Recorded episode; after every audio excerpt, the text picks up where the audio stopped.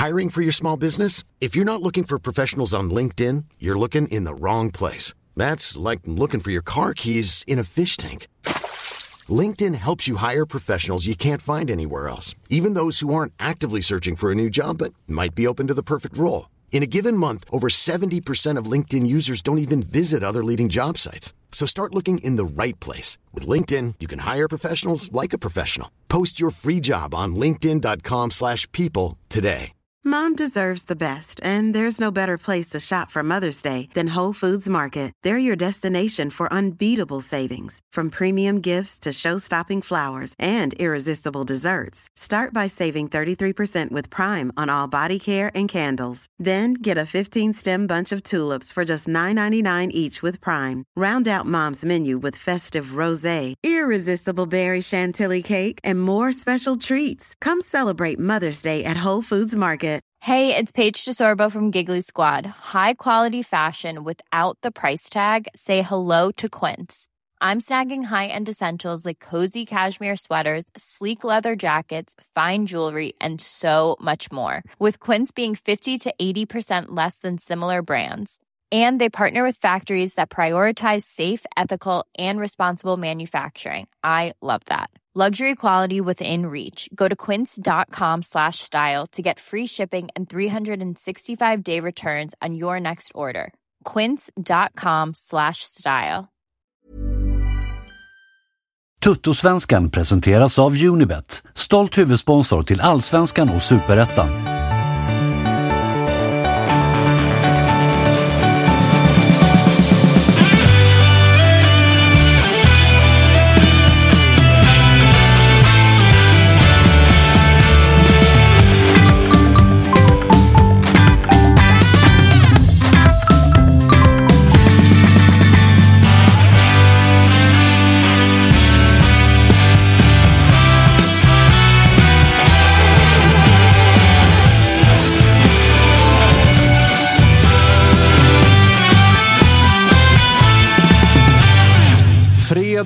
Och Toto-svenskan och ny allsvensk omgång runt hörnet, Kalle. Trots Mm. att vädret inte är med oss så får vi väl ändå konstatera att det, det är bra förutsättningar även denna fredag. får man verkligen säga. Herregud. Och det var ju en fin sommar vi fick. Så att, eh, Ja, ja. Alltså, ja Två, absolut. tre dagar. Ja, Hur eh, mår du annars? Ja, men bra tack. Eh, som sagt, det är fredag och ja, svårt att må dåligt då. Själv? Eh, toppen får jag lov att säga. Jag ser fram emot det här avsnittet. Det Mm. är inget Stockholmsfokus. Det är många där ute i stugorna tror jag som jublar idag. Ja, fan vad skönt känner jag ju spontant som eh, eh, lantis då. Ja, inte heller Malmö FF ska vi prata om. Nej, nej. Istället blir det fokus på Elfsborg, på Kalmar och så lite grann då på IFK Göteborg. Det har eh, sannoliken hänt jävligt mycket i IFK Göteborg, men vi kan väl börja med att presentera dagens eh, gäster i studion. Vi är med oss Jonas Möller, reporter på Travronden, men som håller på Elfsborg. Det stämmer bra det och det sa du utan ett leende på läpparna så du kunde hålla dig för skratt. Men ja, travreporter numera. Hur eh, är läget som Elfsborg-supporter då? Eh, jag vet inte, f- ska jag beskriva det? Det är väl lite sådär halvdant ändå. Man känner väl någonstans att vi är inte riktigt där vi var förra året. Det fattas någonting. Vi lär väl återkomma till det, men det, det är känslan att vi får nog vara glada om det blir ja, en femte plats, sjätte plats kanske. Hyfsat eh, viktigt i eh, helgen nu. Det är IFK Göteborg som kommer på besök. Ni är eh, på samma ställe i tabellen med, med lika många poäng. och det här. Vad, vad, vad är det för känslor som går igenom kroppen när det är IFK Göteborg som man möter? För IFK Göteborg vill ju gärna, Jocke kommer ju göra det, han, han är ju på ingång, men jag förvarnar redan nu om att han kommer ju slå ner på att det här är som vilken match som helst. Medan liksom, man har ju tröttnat på uttrycket El Vestico. Men, men vad gör det med dig att möta IFK Göteborg? Det, det är ju ett, för oss ett historiskt möte givetvis med när vi kom tillbaka till allsvenskan, vann med 3-0 och där tog det fart för min generation i alla fall. Eh, och ja, jag har hört det här snacket tusen gånger om att det, det är skitsamma Elfsborg och vi har massa andra konkurrenter. Och, men det börjar bli så för oss också. Och, och det finns ju en anledning till det. Det är ju att vi är med där uppe och slåss och det är ju inte Blåvitt. Så att, eh, nu skulle jag se Blåvitt som en semla liksom. Att, är något att samlas kring någon gång om året, två gånger om året. Och ja, det, det är väl inte så där märkvärdigt. Och så, Jag tycker vi drar den där semmelreferensen när Jocke är här också, så får han eh, studsa lite grann på det. Mattias Lyr är här också. Härligt! Välkommen tillbaka. Tack snälla. Hur mår du? Jag mår ganska bra. Jag har en vecka här i, i Stockholm efter faktiskt. Jag åker ner till Kalmar och till Barometern igen på söndag inför Kalmar FF Djurgården. Men du, det gnuggas på jävlar i mig där nere från din sida. Det är långa intervjuer och det är poddar och långsittningar med Rydström och sådär. Jag frågade dig senast, men då var det ganska färskt. Nu har ändå allsvenskan börjat och mm. vi har kommit nästan en tredjedel in. Hur, hur, eh, hur är det att jobba så nära Kalmar? Det är Alltså det är fortfarande väldigt mycket smekmånad. Det går ju fortfarande, även om det inte går kanske så bra som man hade hoppats, som hade, i så fall hade varit väldigt bra, så går det ändå okej okay för Kalmar.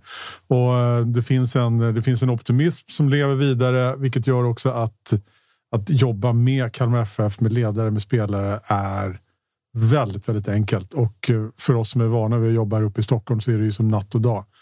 Jag gjorde det är olika här uppe också. Men jag har gjort ett par nedslag. Får jag, får jag dra de här kör, kör. Jag har gjort två anekdoter, eller två eh, nedslag här på, på Stockholms mark om man säger så. Det, den ena var inför eh, när eh, Kalmar mötte Hammarby. Eh, den andra nu inför eh, ja, nu i veckan när, när Kalmar ska möta Djurgården. Första gången då, då tog jag kontakt med Hammarbys medieavdelning eh, och bad att få sitta ner med podden och göra. Då bad jag om eh, Gustav Ludvigsson, Astrid Selmani eller Willard Svedberg. Jag fick Darjan Bojanic. Just det. Och jag gillar ju Darjan Bojanic på plan.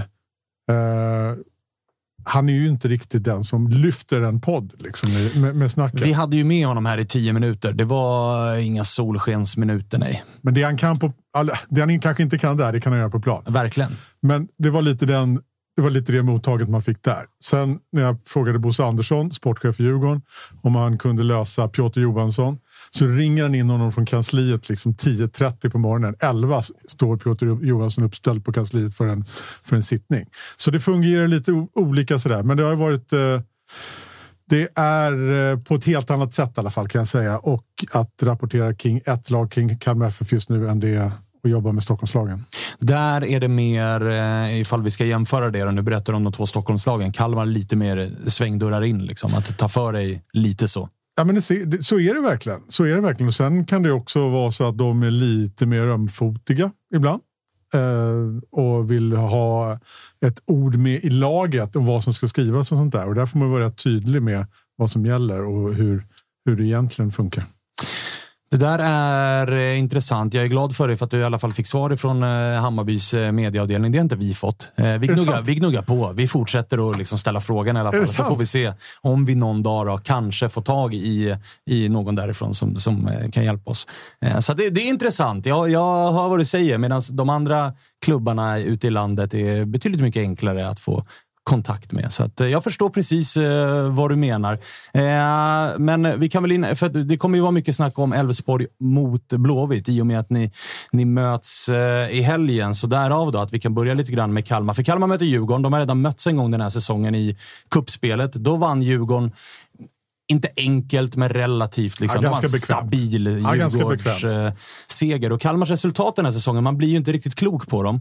Eh, med tanke på att man åker upp till Sundsvall som precis alla spöar och torskar den matchen. Man har förlor, eller man spöar sen Hammarby på, på hemmaplan. Men, men vart, skulle, vart skulle du säga att eh, Kalmar är? Du som pratar med Rydström väldigt mycket. Vart är de i, i eh, processen? För det har varit lite rotationer och lite skador eh, och sådär. Men hur går surret där nere? Det är ju det är heaven or hell har det verkligen varit. Det är ju laget som, som verkligen skiter i att och kryssa i år. Det är, de har vunnit fyra, förlorat fyra och det är ju det. De har ju inte, där, har ju, där har ju faktiskt Kalmar FF en utmaning. När man inte på något sätt, om ni förstår vad jag menar, förtjänar att vinna matchen, då kommer man inte heller att få med sig några lite tursamma poäng som kanske andra lag har, lite större lag. De behöver inte göra en toppinsats för att kanske få med sig ett kryss ändå eller till och med kanske hålla tätt och kontra in en boll. Vad vet jag? Liksom. Men där, Ehm, är det lite cynism som saknas? Eller är det bara ett så här, det har vi varit inne på med till exempel Djurgården som åkt på ett par miner också, att det är väldigt många nya spelare i startelvan i Djurgården. Detsamma gäller ju i Kalmar, att man har tappat många, ersatt med det. Det är centrallinje och det är ny målvakt i Kalmar och sådär. Nu skulle förmodligen Henrik Rydström glidtackla mig om jag sa det här, men jag tror att det är en inställningsfråga i vissa lägen. Mm. Men de kommer från Varberg 3-0, Degerfors 2-0 och åker upp och ska spela mot Sundsvall och städa av. Och alla har redan räknat in sina tre poäng där innan de åker ner. Det såg man nästan på elvan också ju. Ja, det var, plötsligt roterade man lite och lite nya namn och, och det, det fanns väl en, en logik bakom den rotationen också. Men så där var inte Kalmar FF då att de kunde göra så.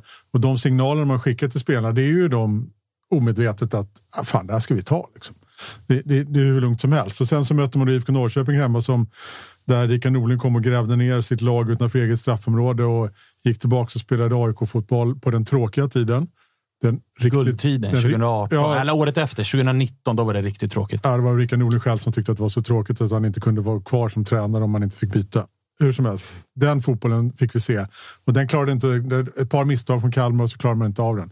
Var är man? Jag vet inte. Jag tror att eh, det beror väldigt mycket på, på var man, hur, nu ska jag använda ett annat ord som Henrik Rydström hatar, på, vad heter det? påslagna, säger man det? Mm, ja, påkopplad, påkopplad mm, säger man. Exakt. Ja. Eh, och, men med det sagt så är Djurgården en helt annan grej för, för, för Kalmar. Det är uppenbarligen ett buggy-team för, för Henrik Rydström. Jag gick igenom hans siffror här. Jag tror han har, som tränare har han mött Djurgården åtta gånger. Han vann den första som inhoppande tränare. Kommer du ihåg det? Där? Just det. När Nanne försvann och så han, hoppade han in och vann med 2-0 på, uh, på Tele2. Två mål av Erton Feyzulahu, bara en sån sak. Efter det så har det alltså varit sju raka torskar.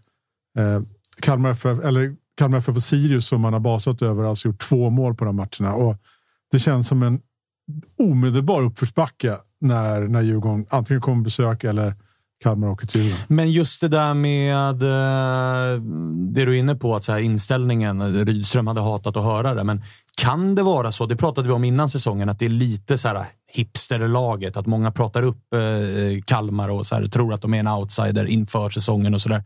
Eh, kan det vara lite att man har, alltså som spelartrupp, gått på lite myten om sig själva då? I och med att i de här matcherna mot typ GIF Sundsvall så tror man att det är det är klart redan innan man har börjat spela. Att man, man kanske överskattar sig själva lite grann och, och det man pysslar med och glömmer lite grann vart man är någonstans. Det är långt ifrån omöjlighet och jag har varit inne på det också. Att, eh, att, att man på något sätt, ett jättebra uttryck, gått på lite byten av sig själva.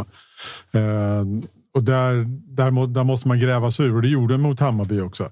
Så jag tycker inte jag att insatsen mot Häcken är så dålig. Det är ju något misstag. Det är en ganska jämn match, återigen. Eh, där eh, man gör ett misstag i eget straffområde helt enkelt. Och Alexander Jeremejeff, alla, alla gånger han missade i fjol, de, de bollarna sätter han i år. Liksom. Mm. Och då, då är det ett, två uppförsbacke och då är det svårt.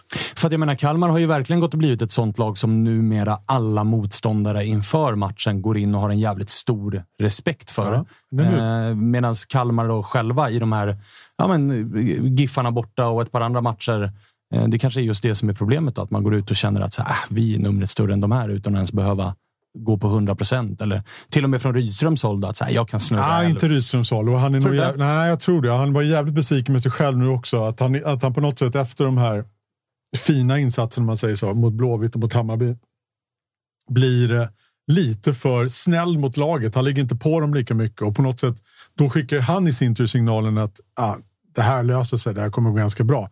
Och där blir han irriterad på sig själv och då, då kommer Häcken, så får, så, och torskar man den får vi se hur det går mot, eh, mot, mot Djurgården nu. Men om man säger så här, om man vänder på det. Om, om, om ni skulle ha den här Kalmar FF-truppen och se den utan Henrik Rydström som tränare. Ja, då ligger de ju där de ska. Skulle, skulle det vara... Nej, de skulle, jag tror att du skulle tippa dem ja, på kval kanske.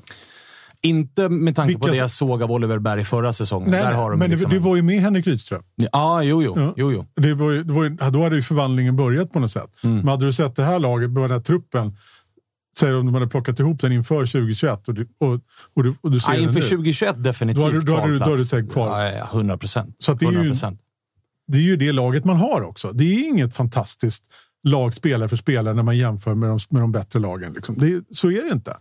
Och det, jag skulle säga att jag skulle, det är, det är inte egentligen på pappret ett bättre lag än IFK Göteborg heller.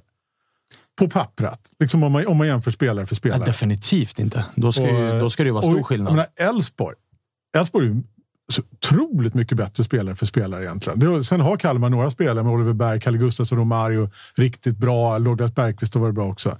Men i övrigt så är det det, är, det är något jävla trolleri. Liksom. De, Mm. de höjer sig i, under, under Henrik Rydströms ledning. Vad eh, känner du Jonas som Elfsborgs-supporter att ni är eh, ungefär där Kalmar är just nu? Och, och vad, vad är dina tankar kring det Rydström pysslar med där borta? Eh, ja, men Rydström, jag tänkte på det utifrån, så tror jag inte vi har den respekten riktigt som man kanske förtjänar. Det är inte så att du tänker att utan Rydström skulle det vara kört i Kalmar. Om vi, om vi börjar med dem. Eh, så känns det inte i alla fall. Jag, jag har ganska stor respekt för några av spelarna i Kalmar.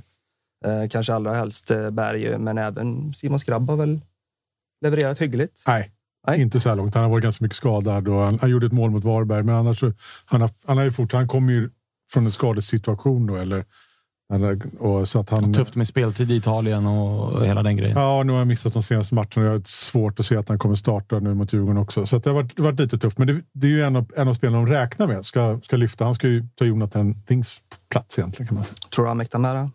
Nej. Det är ju, alltså inte poängmässigt tror jag inte. Det, jag menar, åtta mål är rätt bra som Jonathan Ring gjorde i fjol. Och där har man ju en annan grej. För att ska det här lyfta någonstans så behöver ju Rydström, du är inne på det, att så här, spelartruppen gubbe för gubbe är ju kanske inte mycket bättre än en, alltså en maxprestation om man eventuellt kan bli femma. Liksom. Det, är, väl- det är väl där någonstans så högt det här kan lyfta med de spelarna som finns där. Så att det är inget fel på tränaren, det är ju uppenbart. Eh, och, och Det som behövs då är ju spelare och det som behövs då är ju pengar. Ingenting som Kalmar FF badar i. Och tittar man på alltså den, den potentiellt största försäljningen, det är ju Oliver Berg. Han fyller också 29 i år, vilket gör att vi pratar inte 50 miljoner in för en sån spelare, utan vi pratar väl kanske max 10. Samtidigt som de unga, jag tänker på Isak Jansson som har gjort det bra, gjorde ju två assist här va, mot Hammarby. Hans kontrakt går ut efter den här säsongen. Så det Nej, inte, det gör det inte. gör det inte det? Nej, det gör det inte. Han- Där, däremot är det så att det är en lite sådär komplicerad kontraktssituation just nu. Okej. Där han, eh, där han på något sätt, det finns ett, ett, vad ska man säga, ett, ett hål för honom att i kontrakten på något sätt, har jag fattat det som, att han skulle kunna lämna nu i sommar. Han har någon form av klausul. Men jag, han, jag vet också att han, att han, eh, att han trivs väldigt bra i Kalmar FF. Så att jag, jag, jag, jag tror, jag, om det inte dyker upp något fullständigt magiskt erbjudande så tror jag att han är kvar i Kalmar FF. Att, att det kommer förlängas det här kontraktet. Jag är nyfiken på Isak Jansson, vad, hur han står sig. Vi pratar om ett kollektiv som fungerar väldigt bra tillsammans. Hur bra är han om du tittar ut på de andra lagen? Var skulle han gå in? Just Isak Jansson. Eh, är ganska, jag, skulle, ganska, jag tror han skulle färga i de flesta gäng om jag ska vara helt ärlig. Jag tycker att det, han har ett, ett jävla driv och i det här, den här våren också. När han, han fick ju till exempel inte starta mot Malmö FF borta. Eh, Men sen när han har spelat så har han verkligen tagit ett ansvar och löpt mer, arbetat mer. Dessutom börjat jobba fram poängen lite grann. Nu han har han gjort ett mål så här långt, men det som, som Svanemar var inne på, han, han, han låg ju bakom bägge kassarna mot, mot Hammarby. Eh, det är en klassspelare, var han 20 år gammal. Mm. Eh, han har en riktigt bra framtid. Jag skulle, jag skulle säga att det är ju Kalmar FF absolut viktigaste spelare om man ser det i, i, ett, äh, i ett affärssyfte. Om man säger så. Och då är det ju stökigt att ha den typen av eh, kontrakt. Jag har nästan aldrig hört talas om att man har... eh, Jag vet liksom- inte exakt hur det här ser ut. Det här Nej, kontraktet. jag har ingen det aning. Utan det, det var ju faktiskt Daniel Kristoffersson på Aftonbladet som skrev, som skrev om det till först.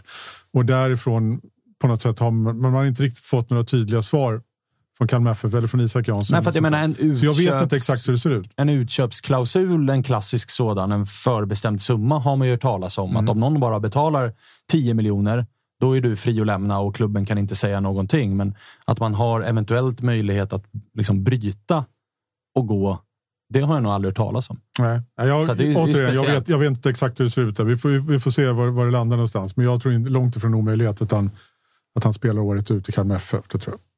Eh, och om man nu, för det kom det ju rapporter om, jag tror att det var från eh, Disco eller någon av kollegorna som pysslar med, eh, vi har ju ett par som är vassa på just de här övergångsstories. Men Oliver Berg, blir man av med honom, hur stort tapp är eh, det? För det känns ju som att så här, alla andra är, Isak Jansson, absolut 20 år, men i övrigt så, alltså Skrabb och Chamon är ung och gjorde mål här nyss, men Oliver Berg är ju den pålitliga spelaren i det här laget. Ja, det är det. Och Jag, jag tror också så här. Å andra sidan, om, om nu Oliver Berg skulle, skulle försvinna så får Isak Jansson kliva in i sin riktiga roll om man säger så som nia också på, på riktigt och kan kanske blomma ut ännu mer, vad vet jag. Men jag, vad jag vet med Oliver Berg i alla fall att det inte finns några konkreta bud på, på bordet för honom. Att det finns intresse, det finns det. Uh, det som nämndes då, det tror jag var Anel Avdic va? som skrev ja, det kan det mycket uh, väl om, om, uh, om ungerska Ferencvaros, en, en stor klubb. Sådär. Men det finns inga de har också lite, tidigare lite Norge-kopplingar så där med spelare och agenter och allt möjligt sånt där. Så att det är ingen, inget långskott på det sättet. Men Oliver Berg är också den typen när man har suttit ner och pratat med honom att fotbollsbiten är oerhört viktig för honom. Mm. Eh, att, att, få, att få, han är liksom som en fotbollsprofessor och går omkring med, med fotbollsböcker i fickan liksom och läser och sådär. Jag vet inte om det var men det var något som Kevin De Bruynes bok. Har han skrivit en bok? Eller något det, det har väl alla om, gjort. Om split vision eller sånt. Säkert. Det, det låter ja. som KDB. Ja. och, eh, men det, och, och, och, så han och Rydström är ju liksom the perfect match verkligen. Och han har ju blivit verkligen Rydströms högra hand ute på plan. Så det här experimentet eller den här grejen, så länge Rydström är där så tror jag att det ska krävas någonting alldeles, alldeles extra. Jag tror inte att pengarna, är, det säger man ju alltid, att inte med pengar betyder inte så mycket. Liksom. Men det är klart. Men han säger att jag kommer hinna tjäna pengar efter min fotbollskarriär är över. Ah, Okej, okay. spännande. Vet du vad han har på gång där då, civilt? Nej, man kan, nej, nej det, det hade ju varit intressant. Ja, det ska jag kolla. Han, han kanske har någon oil broker eller något Ja, exakt. Ja. Krypto känns... Eh, nej, det känns inte så jävla nej, det känns Berg. Oliver alltså. Berg ja. Eh, sitter väl säkert på en jävla kandidatexamen i något superämne och är redo att bara ge sig ut. Ja. Nej, men det, han är en jävla guldkille. Det, och det, är ju, det tänkte jag också på faktiskt. Om jag på något sätt får jämföra lite grann mellan två klubbar som möts nu. Som man har jobbat emot ett tag. Då. Dels har man jobbat med Djurgården ganska länge. De har ett sätt, speciellt sätt. Då, Bosse Andersson har att bygga omklädningsrum som ska vara homogena. Det är viktigt liksom att eh, de har ju plockat bort spelare som inte har funkat. kommer att vara Prijovic och alla möjliga liksom sådär. Eh, och det, det, liknar lite det som, som Kalmar gör också. Det är viktigt att ha ett fungerande omklädningsrum där alla är beredda att göra samma sak. Eh, annars så skulle man aldrig vara i närheten av där man är idag. Nej, framförallt inte när, som vi var inne på tidigt, den individuella nivån. Alltså kollektivet i Kalmar är ju kanske ännu viktigare än kollektivet på ställen där du kan förlita dig på individuell kvalitet på Absolut. ett par lag. Sen har vi ju sett, det får vi ta med Jocke när han kommer, att även i liksom klubbar med högre individuell kvalitet så är det viktigt. Tobias Anna liksom är ganska hett på tapeten om inte annat. Ja, men vi har inte med honom i dagens show, eller? Nej, tyvärr inte. Tyvärr inte. Det hade varit uh, otroligt trevligt. Vi har med oss Jocke som någonstans får vara talesperson för, för hela den blåvita rörelsen och vad de pysslar med. Kalle är med på ett hörn där också. Har med oss och har med oss. Ja, snart. Ja, men han skrev här till mig nu. Jag, jag kommer, jag kommer, men SJ jobbar mer sidledsdanne än raka bollar i djupled, så att säga. Ah, okay. 20, 20, ja, två timmar och 15 minuter sen är han. Att han säger Sileds-Danne hade lika gärna kunnat säga Gurra Svensson där va? Eventuellt. Mm. Ja. Eh, på tal om eh, Göteborg då. De ställs ju mot Elfsborg här i eh, helgen och eh, fan, det snackas lite för lite om hur dåligt det går tabellmässigt. Ja, men jag är fortfarande inte förvånad. Det fattas någonting hos oss i alla fall. Och vad är det i så fall som fattas? Eh, jag vill, innan jag säger det ska jag nog säga att jag är inte gulligan på det sättet att jag är med i Gulliganerna. Jag talar heller inte för Gulliganerna. Jag är snarare ett fan av Gulliganerna. Ja. Tycker om dem väldigt mycket. De är jätteduktiga. Uh, och, och, med det sagt, uh, Holst saknar jag enormt mycket. Han är inte superpopulär efter sin flytt. Han var en karaktär med energi som spelade på en otacksam position, men den omfamnade han med öppna armar. Som, han var ju ytterback innan, klev in centralt och blev, alltså han gjorde skillnad så tillvida att han tände hela laget. Gjorde exakt det jobbet som krävdes. Eh, det är ju den ena delen. Där har vi nu då Boateng eller Söderberg. Ingen av dem ja, fixar det här riktigt. De är två ganska olika spelare själva också. På tal om sidleds-Danne, det är väl ett bra namn för Boateng. Han, han slår meningslösa passningar i sidled. Det är vad han gör. Eh, Söderberg kommer såklart komma. Eh, han är duktig och så vidare. Sen har vi Simon Olsson eh, där, där pratar vi ångest. Det, vad händer där egentligen? Det händer ju alldeles för lite. Han, initialt så påminner det mycket om Viktor Claesson. Han, han tog sin tid på sig och är ju en spelare som fungerar väldigt bra i rätt omgivning och när han får vara den han vill. Men Simon Olsson har inte lyckats ta det här klivet. Det, det går inte. Och nu är jag inne på att med nyss nämnda resonemang flytta ner honom igen. Ett tack. Låt honom känna lite boll. Där är han ju bäst i allsvenskan på att skapa skapa tid och, och, rum. Han är ju helt överlägsen där. Det säger ju alla som har spelat eller tränat med honom. Det går inte att ta bollen av honom och det, det ser man när han är inne i den zonen. Så att, kanske börja om lite och då vet jag att det viskas om eh, Senelis lillebror. Eh, Arber Senelis lillebror. Ja, eh, nu har jag inte förnamnet. Ni får ta det i chatten här åt mig. Han har ju inte debuterat än i A-laget, men det viskas lite grann i alla fall att han skulle kunna vara någon som skulle kunna kliva in på den positionen. Men är, eh, för alla som inte har koll då, vad, vad var det som hände med Holst egentligen? För jag håller ju med, det var en underskattad spelare som sällan fick rampljuset. För han spelade väl, han, alltså framförallt samtidigt som eh, ja, Jesper Karlsson eh, slog igenom och sådär. Och då var det såklart allt rampljus på, på den som gör målen och läckra aktionen. Men Holst var en, en, en viktig kugge. Sen blev det separation där som inte var Eh, helt icke-infekterad. Den var inte speciellt snygg och sen ska man säga, jag tror alla som har spelat med honom och haft honom i sin närhet älskar honom. Alltså det är en, en energiknippe, fantastisk lagspelare. Det som hände var ju att han eh, signalerade ganska tidigt eh, i slutet av förra säsongen att jag vill, jag vill hem. Det är vad jag vill. Han åkte inte hem. Han, han åkte väl till Norge va? Tror han i Norge. Ja, exakt. Det var det, hem, det hem till Danmark som var liksom... Mm. Och Elfsborg eh, liksom rapporterades vara schyssta och ja, var så här, ja, ja, men då, det då, det är klart. Alltså, mm. Har du hemlängtan så har du hemlängtan. Och så blir det Norge istället. Mm. Och då var inte folk jätteglada. Nej, och det kan man ju förstå hur det presenterades och, och så. Då kunde ju varit kvar. Men eh, är det framförallt spelaren eh, håll som saknas eller är det att, eh, alltså karaktären? Att man saknar en spelare som är, för det var ju lite mer kötta, lite mer pannben och det som saknas i Elfsborg idag kanske är just det. Jag hörde Isak Edén prata med Jocke och Patrik i BB-podd om att så här, vi har ju, om Blåvitt har en elva som alla vet att det här är startelvan så har Elfsborg nästan två elver, men ingen vet riktigt vilka är i den ordinarie elvan. För det finns två gubbar som är typ jämnbra på nästan alla positioner. Ja, och kanske allra mest påtagligt på, ute på kanterna där vi har Alm, Ockels, eh, Ondrejka och Bernhardsson. Och jag, jag tror ju i grunden att eh, för dagen högst kapacitet har Bernhardsson och han är ju den som spelar minst. Eh, sen har ju Ondrejka på sikt kanske högst kapacitet med tanke på historiken på Bernhardsson. De har varit fina i Kalmar FF kan jag säga. Ja, det eh, tror jag. De har varit riktigt fina att få lite Bernhardsson där ute på en kant. Oj.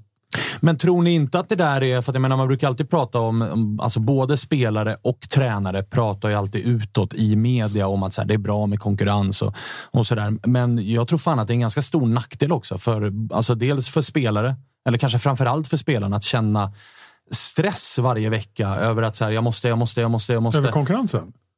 Eh, alltså över att den är så pass jämn. Men, men vill du inte veta, vill du inte känna dig trygg i att säga jag kan göra ett misstag, jag kommer få spela nästa match? Jag tror inte att det är, att det är odelat positivt. Jag tror det är en typiskt, ett typiskt svenskt sätt att känna liksom, och, och, se på saken också. Att man ska känna sig bekväm och trygg och då kan man prestera. Varför, varför, lite, lite konkurrens, lite, lite, lite ovisshet. Får du trycka på lite extra på träningen och ge lite extra på match? Det tror jag verkligen. Sen, ja, sen kanske det blir så pass bra så att du inte helt enkelt går att flytta på. Exakt, och där Elfsborg är just nu så är det ju en jävla konkurrens om varje position. Men ingen flyger ju. Nej, och tänk, tänk eh, Ondrejka här. Han ska säkra sin framtid. Han ska visa vad han kan och så rätt vad det är så ingår han i någon slags ruljans där han ska vara, gå in och leverera max i 20 minuter och, och där och in, aldrig liksom få, få sin genombrottssäsong på riktigt. Att nu får du chansen en säsong här, gör det du kan. Så Nej, och så här, alltså, pratar också så relationer på planen när det byts ut gubbar titt som tätt. Alltså, man vet ju om att man kan ha ett tandem med en högerback och en höger mitt som är, de kan varandra innan och utan, både offensivt och defensivt. Men byts det ut den där högermitten och det finns tre olika att snurra på så kan man också riskera att det blir rörigt och det blir det blir så här, ah, han gjorde en lite bättre träningsvecka så då får han starta och så eh, vi byter en inne mitt för att det stämde inte förra matchen. Och jag kan tänka mig att det blir rörigt också. Mm. Och kanske framförallt på eh, Simon Strand och Oliver Sandén just nu. Sandén är ju otro, vilken mogen fotbollsspelare med den lilla speltiden han haft i allsvenskan. Varför startar inte han varje match? Jag vet inte. Om vi pratar energi och att det saknas kan man hitta förklaringen möjligen i att Strand rätt dagar har det på plats. Men Sandén är ju en spelare man kan sälja i, i sommar eller om ett år för, för 15. Liksom. Jag försöker ta det lugnt med adjektiven här nu för att inte framstå som dum. Men äh, äh, ruggig alltså. Verkligen svinbra. Och samma, alltså, och där kanske vi har eh, problemet då, ifall jag ska slå tillbaks på mig själv. Då, att Simon Strand kanske är lite för given då, sett till sin status. Och likadant uppe på topp ju, där uh, unge Gudjonsen faktiskt har smält in ett par påsar. Men det är ju Per Frick som ska spela, så det blir också eh, där kanske det är motsatt då, att konkurrensen slår fel ut för att det är vissa spelare vars status är lite för hög som ska starta oavsett om en yngre är bättre. Borde det inte vara extra jobbigt med just den, den typen som Strand är? Den här som han, han tar med sig allt ut på planen, ger allt i alla lägen och så ska han petas helt plötsligt. Det måste kännas lite extra att sätta en sån gubbe hellre än typ Simon Olsson om han är dålig i några matcher. Flytta på honom. Men den här som, som alltid ger allt för Elfsborg. Alltid. Men är det det som är eh, problemet, skulle du säga, den här säsongen? För det finns ju, vi skulle säga, det finns ju några spelare som är givna. Alltså Simon Olsson är given. Johan Larsson är given. Rönning i mål är given. Per Frick är given. Är det de som inte har levererat, vilket gör att man ligger där man ligger just nu? Eller är det de här unga yttrarna som ska ta nästa steg och Alm och Ockelson, Drejka och de här. Är det de som inte har varit tillräckligt bra? Vart, eh, vart ser du att problemen har varit? Det är ju flera problem. Ett problem är väl att alla vet hur Elfsborg, det här Elfsborg fungerar med, med de här yttrarna vi har, omställningsspelet. Och det, man orkar ju inte ens sätta på sändningarna innan och lyssna på det snacket om eh, Elfsborgs omställningar och, och, allt det här. Det är klart att för, för varje match som går så blir lagen bättre på att hantera det. De ser Elfsborg på tv och de möter Elfsborg. Eh, det är ju, det är ju den ena delen. Sen, sen den andra delen är väl just det här med, med rollspelare, med att få till helheten och när vissa av dem inte fungerar, vad gör vi då? Det, det här uppställda anfallsspelet som går lite långsammare har ju inte fungerat överhuvudtaget egentligen. Jag, jag tänkte på det, just, just det här raka spelet som, som Elfsborg har och som, som på något sätt pluggas in redan i, i ungdomsåren där på något sätt. Där har ju Tobbe Lindroth varit. Eh, så när jag Stoke. Satt, när jag, Stoke när, ja, precis, när jag satt och kände lite på så här. Ah, Henrik Rydström försvinner liksom kanske någon gång för han är ju, lagen hugger på honom. Liksom. Vem ska man ta in? Kanske Tobbe Linderoth, kan det vara något sådär? Ett, ett namn. Och sen såg jag, såg jag Skövde Örebro nu senast och herregud. Det, man kan spela fotboll på olika sätt. Ja. Det kan vara effektivt. Men man kan säga att Tobbe Linderoths stil skiljer sig ganska betänkligt från Henrik Rydströms. Det var, det var väl inte asroligt? Va? Nej, det var inte många passningar inom laget innan den där längre lyran kom. Herregud, vilka inkast han har. Heter han Gustav Friberg eller? I Skövde? Ja, jag har för mig att det är han åt det hållet. Men det är alltså tre meter in på offensiv planhalva. Tjoff! Flytta in allt liksom. Och så tar det 20 sekunder och så kastar han in det. Och det blir hack, hack, hack, hack, hack. Ja, jag vet, det var inte skitkul att kolla på. Sen du, du älskar inte, jag det här Tobbe Linderoth. Det var en av mina favoritspelare i landslaget och uppenbart så har, gör han ett bra jobb i Skövde. Resultatmässigt. Men du kände inte att det här är, det här Nej, det är den som kuggar i Rydströms eh, filosofi, utan Nej, det var snarare det raka jävla motsatsen. Kanske någonting för, eh, ska vi säga, Helsingborg. Ja. Eh, för där ser det ut rätt mycket sparka spring. Ja. De har en jävla match i helgen när ni är hemma mot Värnamo. Som ju är ja, men lite av en sexpoängsmatch. Vi pratade om det innan, Lyra, att det är en jävla viktig match det här för Helsingborg. Oj. Oj, Jörgen Lennartsson är i, i blåsvärd. Är faktiskt den är inte så dum egentligen, Lindroth. Eh, Lindroth-namnet i det, i det läget. Någon som bara kommer in och kör, gör det extremt enkelt. Så tar med sig sin vänsterback Friberg och får kasta inkast. Liksom. Så att, eh, Friberg bakom Taha Ali. Ja. Det är en eh, jävla mismatch. Vräka iväg bollarna bara. Nej, men det är klart. Men jag, sen, samtidigt är det jag... Alltså, Jörgen Lennartsson är ju en vattendelare liksom, på, mm. på många sätt. Det är ju tydligt att han har, han vunnit SM-guld med Elfsborg. Han är en jävla bra tränare på många sätt. Sen tror jag att det går en period där, och det är den uppfattningen man har fått i alla fall när man pratar med tidigare spelare, att, de, att hans snack inte biter. Och det är mycket snack. Det biter inte efter några år. Liksom, att då tröttnar man. Och då, I Elfsborg vill ju spelarna ha bort honom. Och, Eh, jag vet inte hur det var i Blåvitt, om det var något liknande där. Men det, snacka om vattendelare. Dels eh, som du säger, vunnit SM-guld med Elfsborg. Han var också den som var med när allting inte riktigt gick. Eh, vi, vi missade Champions League med, ja, men det var 1-0 mot Celtic och allt det här. Och under hela den här perioden egentligen, då, då har han ständigt varit ifrågasatt. Och de som ifrågasätter Jörgen Lennartsson, de, de är ganska svarta i sin kritik. Att han är, han är inte alls bra. Han är, det är ingen bra fotbollstränare. Och det här hände ju liksom under tiden Elfsborg spelade. Så att jag tror precis, det var en väldigt skön analys det här med att snacket biter inte efter ett tag. Det är nog energi och det är nog mycket, mycket snack liksom, som man tröttnar på när det blåser. Så att, eh, Å andra sidan är det en tränare som har varit med. Han har rutin, han står rätt stadigt i den här stormen ändå, ser det ut som i alla fall. Och det är kanske det också Helsingborg behöver, den här, att man inte behöver springa iväg. Jag tänker samma med Elfsborg nu. Att skulle, det, är ingen full, det är ingen katastrof om Elfsborg skulle komma fem eller sexa i år. Liksom. Det är det ju inte. Men Jimmy Tillin har ju visat att han gör resultat. Men då kanske han, om, det, om det försvinner en pusselbit, då kanske det måste ersättas på något sätt. måste man hitta, eh, hitta rätt igen. Jag tror inte att det är, han har ju verkligen varit metodisk och framgångsrik, måste man ändå säga. Så att jag, men däremot så det tog sin lilla tid, men till slut så... Ja, herregud vad tid det tog. Ja. Jag, men ibland så vet du kommer det så historik från tweets man har skrivit tidigare och de nedsablingarna av Jimmy Tillin som man har skrivit tidigare. Ja, men där, jag de vill med, radera så här efterhand. För jag var med på det tåget också. Och sa, för det var ju någon trend. Det var väl han och Poja var ja. väl de två tränarna som ungefär kom samtidigt, som var unga, som var rätt så här lågmälda. Det var lite nya skolans eh, tränare och nu ska vi revolutionera och vi ska spela en annan typ av fotboll och det här.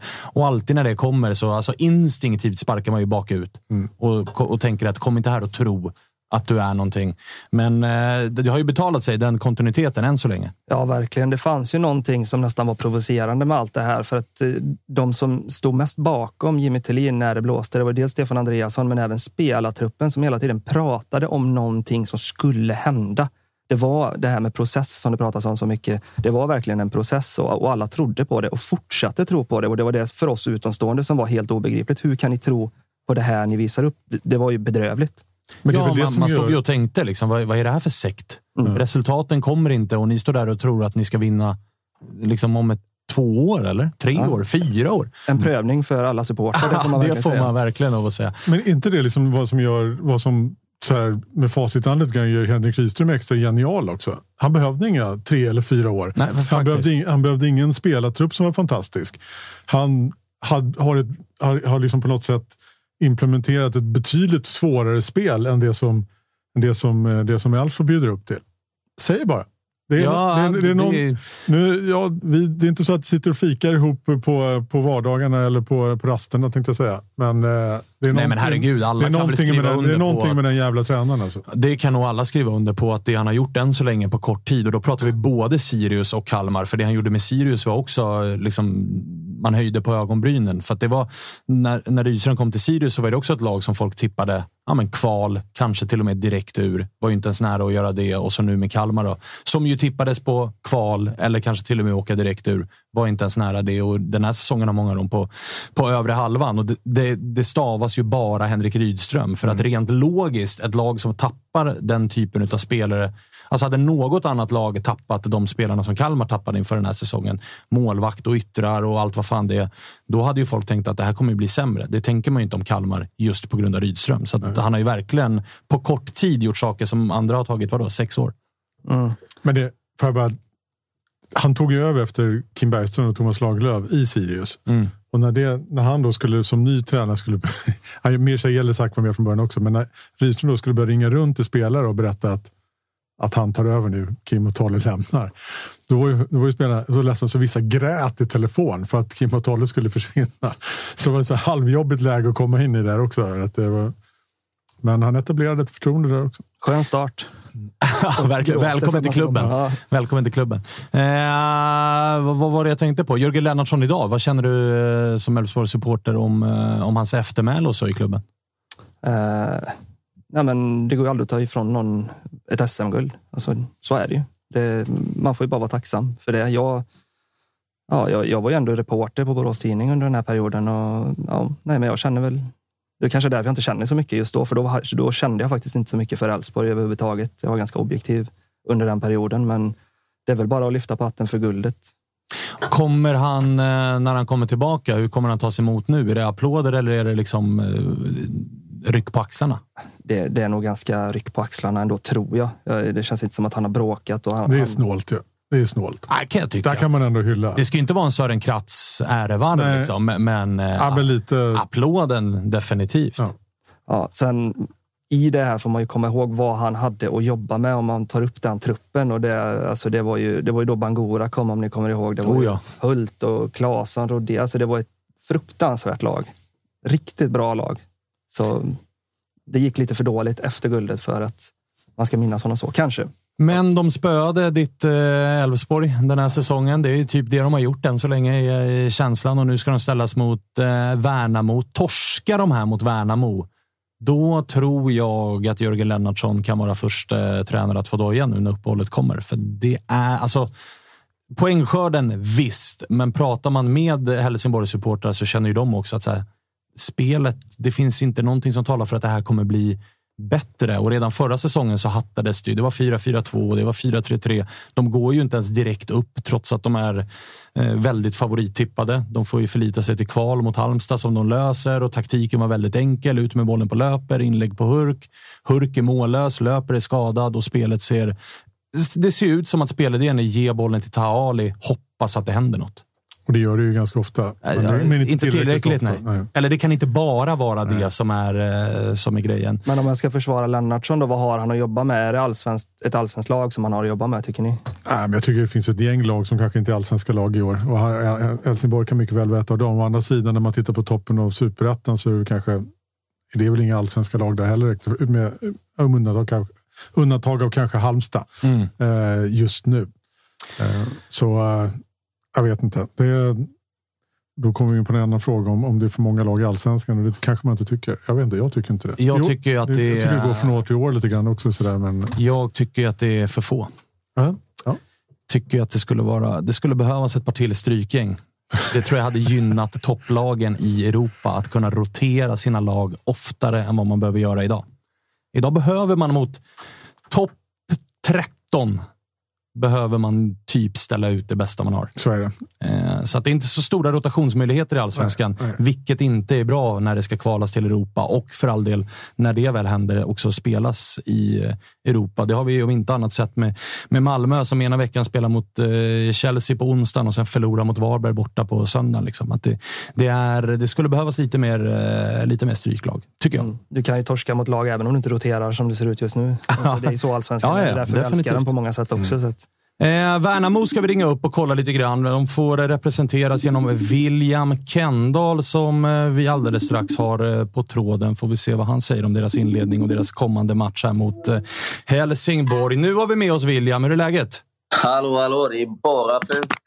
Härligt. Du, vi sitter och pratar lite grann om Helsingborg. Ni möter ju dem i helgen. Har ni hunnit analysera dem något? Eh, ja, eh, det har vi väl gjort. Och de har väl startat sisådär skulle jag vilja säga. Eh, det känns som att vi, vi utgår från oss för det mesta. Liksom, och gjort det i de mesta matcherna och, och fokuserar mer på vad vi ska göra än vad, vad de, eh, hur de ställer upp eller hur de tänker göra. Det är lite det vi pratade om kring Helsingborg, att det har varit jävligt svårt att se vad de faktiskt vill göra. De har inte riktigt fått till det. De släpper ju till ganska lite målchanser, men framåt så är det ju Taha Ali och inte så mycket mer. Hur kommer ni, har ni lagt någon specialbevakning på Taha Ali? Eller där har vi sett Djurgården inte göra det. Då gjorde han två.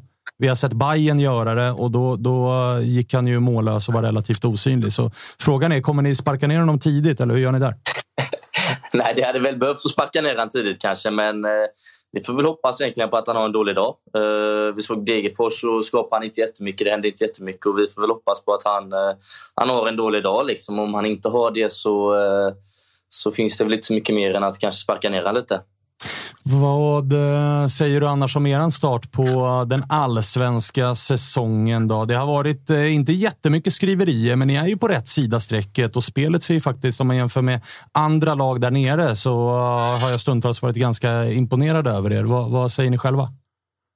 Nej, men vi, är ganska, vi är nöjda med spelet. Jag tycker att vi har stått upp i de flesta matcherna jävligt bra. Jag tycker vi har liksom styrt vissa matcher i, i stora delar av matcherna. Och men sen så har vi haft stora problem med att göra mål. Liksom. Vi, vi skapar kanske lite för lite och, och missar lite för mycket. Och, eh, och, eh, ja, då är man ju där man är i poängskörden. Men jag tycker spelmässigt så har det sett bra ut. Vi har Premiären Blåvitt stod upp bra tycker jag. Elfsborg stod upp väldigt bra en halvlek. Sen blev det som det blev där. Norrköping samma sak en halvlek. Nu mot Mjällby så borde vi ju haft eh, absolut tre poäng. Liksom. Så spelmässigt så är vi, är vi nöjda. 90 plus 6 va, släppte ni in kvitteringsmålet mot Mjällby. Den, eh, den känns ju. Ja, det var riktigt. Vi hade väl bollen nere i deras hörnflagga i 94-50 och sen så kontrade de och så gör vi det, ett litet misstag där såklart. Eh, en av dina lagkamrater som har eh, imponerat och presenterat sig ordentligt är ju Oskar Johansson. Jävla spelare du. Ja, en otrolig spelare faktiskt. Men det är alla vi som har tränat med honom och, eh, och sett han i träning är vi inte ett dugg förvånade över att han, eh, han gör det så bra som han gör. Liksom. Hur eh, viktigt skulle du säga annars att det blir här nu i, i helgen mot eh, Helsingborg? Alltså, vinner de så går de ju trots allt om er. Det är eh, bortamatch och, och allt det där. Känner ni att, så här, eller har ni lagt upp någon? Det vet man ju. Vilken tränare var det som gjorde det? Som, det var väl Jocke Persson va? med Varberg? Som typ innan säsongen hade bestämt sig för att vissa lag, här är det liksom viktigt att de bästa spelarna spelar medan han typ roterade bort laget mot toppmotstånd för att han kände att... Bytte ut en elva ja, bytte mot, ut mot hela Malmö, elvan och, mot Malmö och kände och var att, ändå nära poäng. Men där var det så här, det var ju tydligt att vi ska fokusera på att vinna rätt matcher. Hur, hur går snacket för, för, och tankarna om en sån grej från, från er sida? Känner ni att det här är viktigare än typ att möta eh, Djurgården eller Malmö? Eller? Nej, alltså vi vi har väl som mål i varenda match att vinna. Liksom. Oavsett vilka vi möter så ska vi gå ut och, och styra spelet och vinna. Och Sen så eh, skiter vi nog lite vilka det är. Liksom. Och, men om man kollar tabellmässigt så är det klart att, att vi måste slå Helsingborg, vi måste slå Degerfors, vi måste ta poäng från Sundsvall. De som är runt omkring oss är ju extra viktiga. Men eh, ur ett tränarperspektiv, eh, jag tror om du hade om du hade pratat med Jonas någon gång så hade det inte funnits att man skulle lägga sig i någon match. Nej, det, det tror jag sannerligen inte. Eh, ni mötte ju Helsingborg gånger två i fjol. Hur var de matcherna? Eh, jag skulle väl säga att... Eh, nu kanske jag låter lite kaxig, men att det var ganska enkla matcher för oss. Det var matcher som vi vann eh, ganska komfortabelt. Eh, speciellt sista matchen när vi redan var klara för, för, super, för allsvenskan. Och de behövde vinna, så, eh, så städade vi av dem ganska lätt, skulle jag säga. Hur har det varit då att eh, kliva upp till allsvenskan? Vad skulle du säga är den största skillnaden mellan att spela eh, superettan? Man möter mycket bättre spelare. Man blir straffad eh, mycket liksom och det är, det är mycket större uppståndelse. Jag skulle säga att 80 procent av vårt lag spelade division 1 för två år sedan. Så det är väl en jävla skillnad mot, mot det. Liksom. Det är väl att kvaliteten är bättre på, på allt och alla. Och förra året var vi ju vi tog ju taktpinnen ganska snabbt liksom och var ett topplag där. Och man kanske har domaren med sig lite, man kanske har lite mer flyt. Och nu, eh, nu är vi ett bottenlag och då ser det lite annorlunda ut. Hur eh, är det att byta liksom valfri IP ute i landet till att helt plötsligt spela de här bortamatcherna mot eh, fullsatt Gamla Ullevi till exempel? Går det, alltså, hinner man stanna upp och nypa sig i armen och tänka att för två år sedan var jag i division 1? På planen gör man ju inte det, men efteråt så är det klart att man, eh, man tänker. Och innan så är det klart att det, jag tror att premiären betyder nog otroligt mycket för alla som var där på, i startelvan. Liksom. Betyder nog, eh, det var väldigt stort för alla. Och, eh, och det är klart att man får ju nypa sig armen då och då och veta liksom, att nu är jag här liksom, och nu möter jag inte Trollhättan borta. Och nu är det Olympia som väntar. Du, tack för att vi fick ringa. Kör hårt mot Helsingborg. Stort lycka till! Tack så jättemycket. Tack så mycket. Ha det bra. Ha det bra. Hej. Kan bli rörigt på Olympion om, om Helsingborg. Torskar den, ja. Och det känns som att Värnamo kommer ju också i ett ganska bra läge. Alltså, de känner ju att Mjällby borta. Att det var så här, här skulle vi ha vunnit. Spelet sitter, det ser ganska bra ut. Och de kan ju, trots att de är före Helsingborg i tabellen och på rätt sida strecket, komma dit och spela ganska avslappnat. För pressen är ju på Helsingborg här. För torsk där, och då börjar det bli ganska tydligt vilka åtminstone två, tre lag som är de tre sämsta. Ju. Mm. Då distanserar de sig. Eh, så det blir ju en jävla match att följa tycker jag. Det ska bli, det ska bli spännande. Vad, hur tror vi annars att det kommer se ut på Guldfågeln då? Där Djurgården kommer ifrån en jättekross utav Malmö C. B, där någonstans. någonstans någon blandning. Någonstans. Eh, men ändå 4-0 är 4-0, herregud. AIK och, Hammarby mötte också ganska försvagade Malmölag. Det är rätt fint att kunna byta in ändå. Var byter de in? Eh, Ola Toivonen, Hugo Larsson och eh, Jo Inge Berget, va? Ja, det är okej. Okay. Trippelbyte in där. Det är väl, det är väl okej? Okay. Okej okay, bänk, liksom. Ja, det, det, får man lov att säga. Men, så att, eh, vi ska inte ta någonting ifrån Djurgården. Det är det jag vill säga här. 4-0 är 4-0. Uh, och nu åker man ner till, till Guldfågeln där det är boogie-team som du var inne på. Rydström med vad blir det, sex raka torsk mot Djurgården. Vann första. Jag tror till och med att det är sju. Va? Sju raka torsk. Uh, med Sirius och Kalmar ska vi säga då. Ja. Så, att det, så, att vi, så att det ska bli rätt, blir rätt. Jag tror att det kommer att se ut ungefär som det har gjort. Jag tror att Kalmar har en hel del boll, men Djurgården är inte besvärade av det på något sätt. De inte, blir inte det, det, det, det, gör dem ingenting och de är jävligt tålmodiga och väntar ut de misstag som har kommit. Senast var det ju en ganska enkel nick, jag menar du minns den, som Haris Radetinas ja. nicka som målis Ricardo. Jag vet inte, han gjorde någon riktig sån här matador-grej när han kastade sig undan från bollen när den kom. Ungefär. Då tänkte man ju, vad fan, för det här är ju tidigt. Alltså det är ju kuppen vi pratar om. Mm. Då tänkte man ju, vad är det de har plockat in? Ja, och då hade han ju även gjort andra grejer i kuppen tidigare. Ja. Och han gjorde ju en grej på Norrköping också, Jonathan Levi skott. Så vi är inte bombsäkra på Ricardo. Han har, han har verkligen blandat och gett eh, så här långt. Vad, vad Kalmar behöver en trygg målis. Det har varit okej okay nu de sista matcherna. Det, menar, ja, men det lämnar mig. Det kan vi ta sen. Vad, vad kommer vi se för fight? Jag tror att, eh, det, att när jag pratade med Piotr Johansson igår, jag satt ganska länge och pratade med honom, så, så säger han att det, det de vill göra det är att, och liksom vara fysiska helt enkelt. Vinna, de fys vinna duellerna, trycka ner. Eh, Kalmar spelare är ju inte storväxta, eh, inte fysiska på något, på, alls på den nivå som Djurgården är. Och vinner de den kampen så kan de också få matcherna dit de vill. En snackis har ju varit uh, mattan. Du som är, uh, har uh, öra, örat mot gräset och har stenkoll där. vad, vad, är, vad är status på grässtråna på Guldfågeln? Den är mycket, mycket bättre i alla fall än den var i cupkvarten som var den 12 mars eller något sånt här, tror jag. Ja, och även första, åtminstone två i allsvenskan så var den ju inte heller. Har, den är hoppig. Den. Alltså, den är ganska jämn i och med att det är ett underlag under för det är en hybridmatta. Ju, så den blir inte så knögglig på det sättet, men den blir lite hoppig ändå. Vilket stör. Men Kalmar har visat sig kunna spela på den. Eh, inte minst senast mot Hammarby. Mm. Eh, att man, att det, det inte står. Nu blir den bättre för varje dag också. Det jobbiga är ju att, eh, eller problemet för, för planskötaren och, och kommunen i stort är att, att Kalmar FF delar arenan med IFK Kalmar i damallsvenskan. Vilket känns rimligt. Men har du en gräsmatta som är kass så, så, så då är det inte optimalt. Nej, Eh, och på Borås Arena då, där ställs ju Elfsborg mot eh, IFK Göteborg i eh, ja, men lite dubbelångestmöte. Där ju, jag vet inte fan vem som är under mest press. För att jag menar, är det någonting Alltså det, det är lite, jo, men det vet du ju. Eh, såklart, ja. men liksom sportsliga ambitioner och förhandstips, då ska ju pressen vara på Elfsborg. Som miljön är i Blåvitt och så som Blåvitt inledde den här säsongen med tre raka vinster då är den ju på Blåvitt. Men jag menar, jag utifrån kan ju känna att eh, det är Elfsborg som är storfavoriter. Det är Elfsborg som ska ha pressen på sig. Elfsborg skulle vara med i toppen. Men alla pratar ändå om Blåvitt.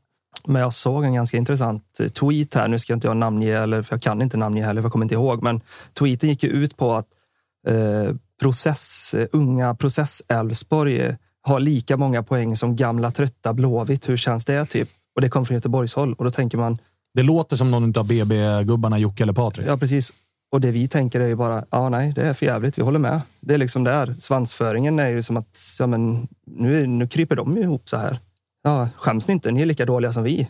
Det, det, har jag aldrig sett innan. Jag tror inte den som skrev det förstod att alla vi utifrån som, som läser det här uppfattade precis så att, jaha, eh, har ni inte högre tankar om er själva längre? Så och eh, det man liksom eh, tänker på inför den här matchen är ju också, och det, det liksom, det, frågan är ställd med all respekt, men det är lite samma läge. Vi, vi hade ju ett lag, jag säger inte att Elfsborg redan är där, men jag säger att förra säsongen så var ju Häcken ett lag som många experter hade, ta med fan till och med som SM-guldvinnare. Ja, Patrik Ekwall.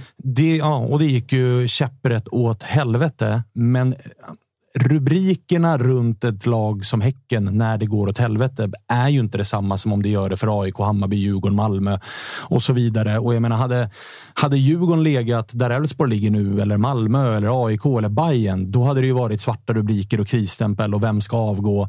Medans Elfsborg, alltså det, här är ju nästan det läget där Elfsborg som klubb mår ganska bra av att man inte är så stora som man kanske vill vara. För då hade pressen och stressen och kraven och avgångsropen varit ännu större. Mm. Och det, det, som eh, är lite tufft för Elfsborgs del är att spelschemat har ju varit väldigt attraktivt eh, om man nu ser till motståndet första delen av säsongen. Nu. Det har varit väldigt många eh, lag som har tippade på nedre halvan som, som vi har fått möta. Så det kommer ju, det är rätt många Stockholmslag här under sommaren och ja, överhuvudtaget bra motstånd. Och det kanske är bra, det kanske behövs. Så att vi får spela den typen av fotboll i kombination med nuvarande tabelläge kanske, kanske blir skönt, kanske bra. Men skulle du vilja se att Thelin eh, lite grann mer bestämmer sig för en elva som får jobba ihop nu? Eller vill man att det ska fortsätta vara dagsform snarare än kontinuitet? Jag är ganska kritisk mot eh, Ockels och det är ju inte för att det är något fel på Ockels. Han är väl den jämnaste spelaren vi har. Han gör i princip alltid samma sak och ibland gör han något mål också. Men det är väl en spelare som, som inte lyfter eh, utan snarare fyller en funktion när det behövs. Så att jag hade gärna sett att han blev permanent på bänken och möjligen fick komma in. Och att man rullar på Alm, Ondrejka och eh, Bernhardsson i första hand.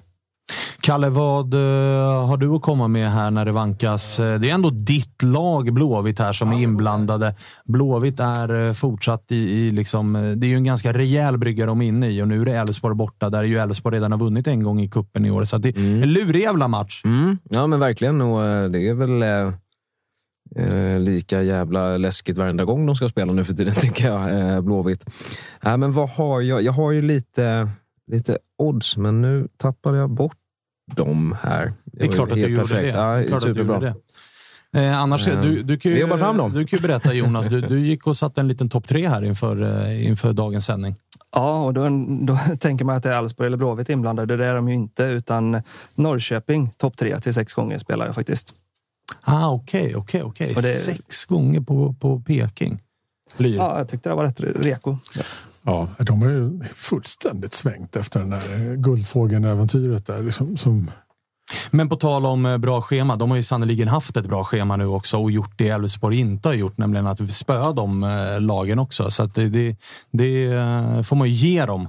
Grejen med Norrköping är ju att jag, jag tror att de det är ett av allsvenskans bästa lag, alltså sett till, till individuell skicklighet. Det är många underskattade spelare, Paul och eh, vad heter han, Abdul Rashak på mitten. Alltså det är otroligt många bra fotbollsspelare där just nu. Och de, har, de har gått ganska dåligt. De har spelat ganska Rickard Norling ett tag. Alltså får de fart på grejerna så är det en, kan det vara en guldutmanare utan tvivel. Det tror jag. Nej, nu, måste, nu måste vi Nu får vi lugna oss. Ja, nu, nu, får vi, vi sannerligen ta och lugna ner oss lite här. Jag ska bara informera dig om att John Guidetti också har skrivit på för AIK, så där, har du, där har du någonting att, att, att jobba guld på. Kalle, är du med nu? Eller? Ja, nu är jag med. Jag blir lite ledsen när jag läser oddsen på eh, Elfsborg Blåvitt här. Alltså, det är 6.30 gånger pengarna på att eh, Blåvitt vinner borta hos Unibet oh. jämfört med Elfsborg till 1,57 då.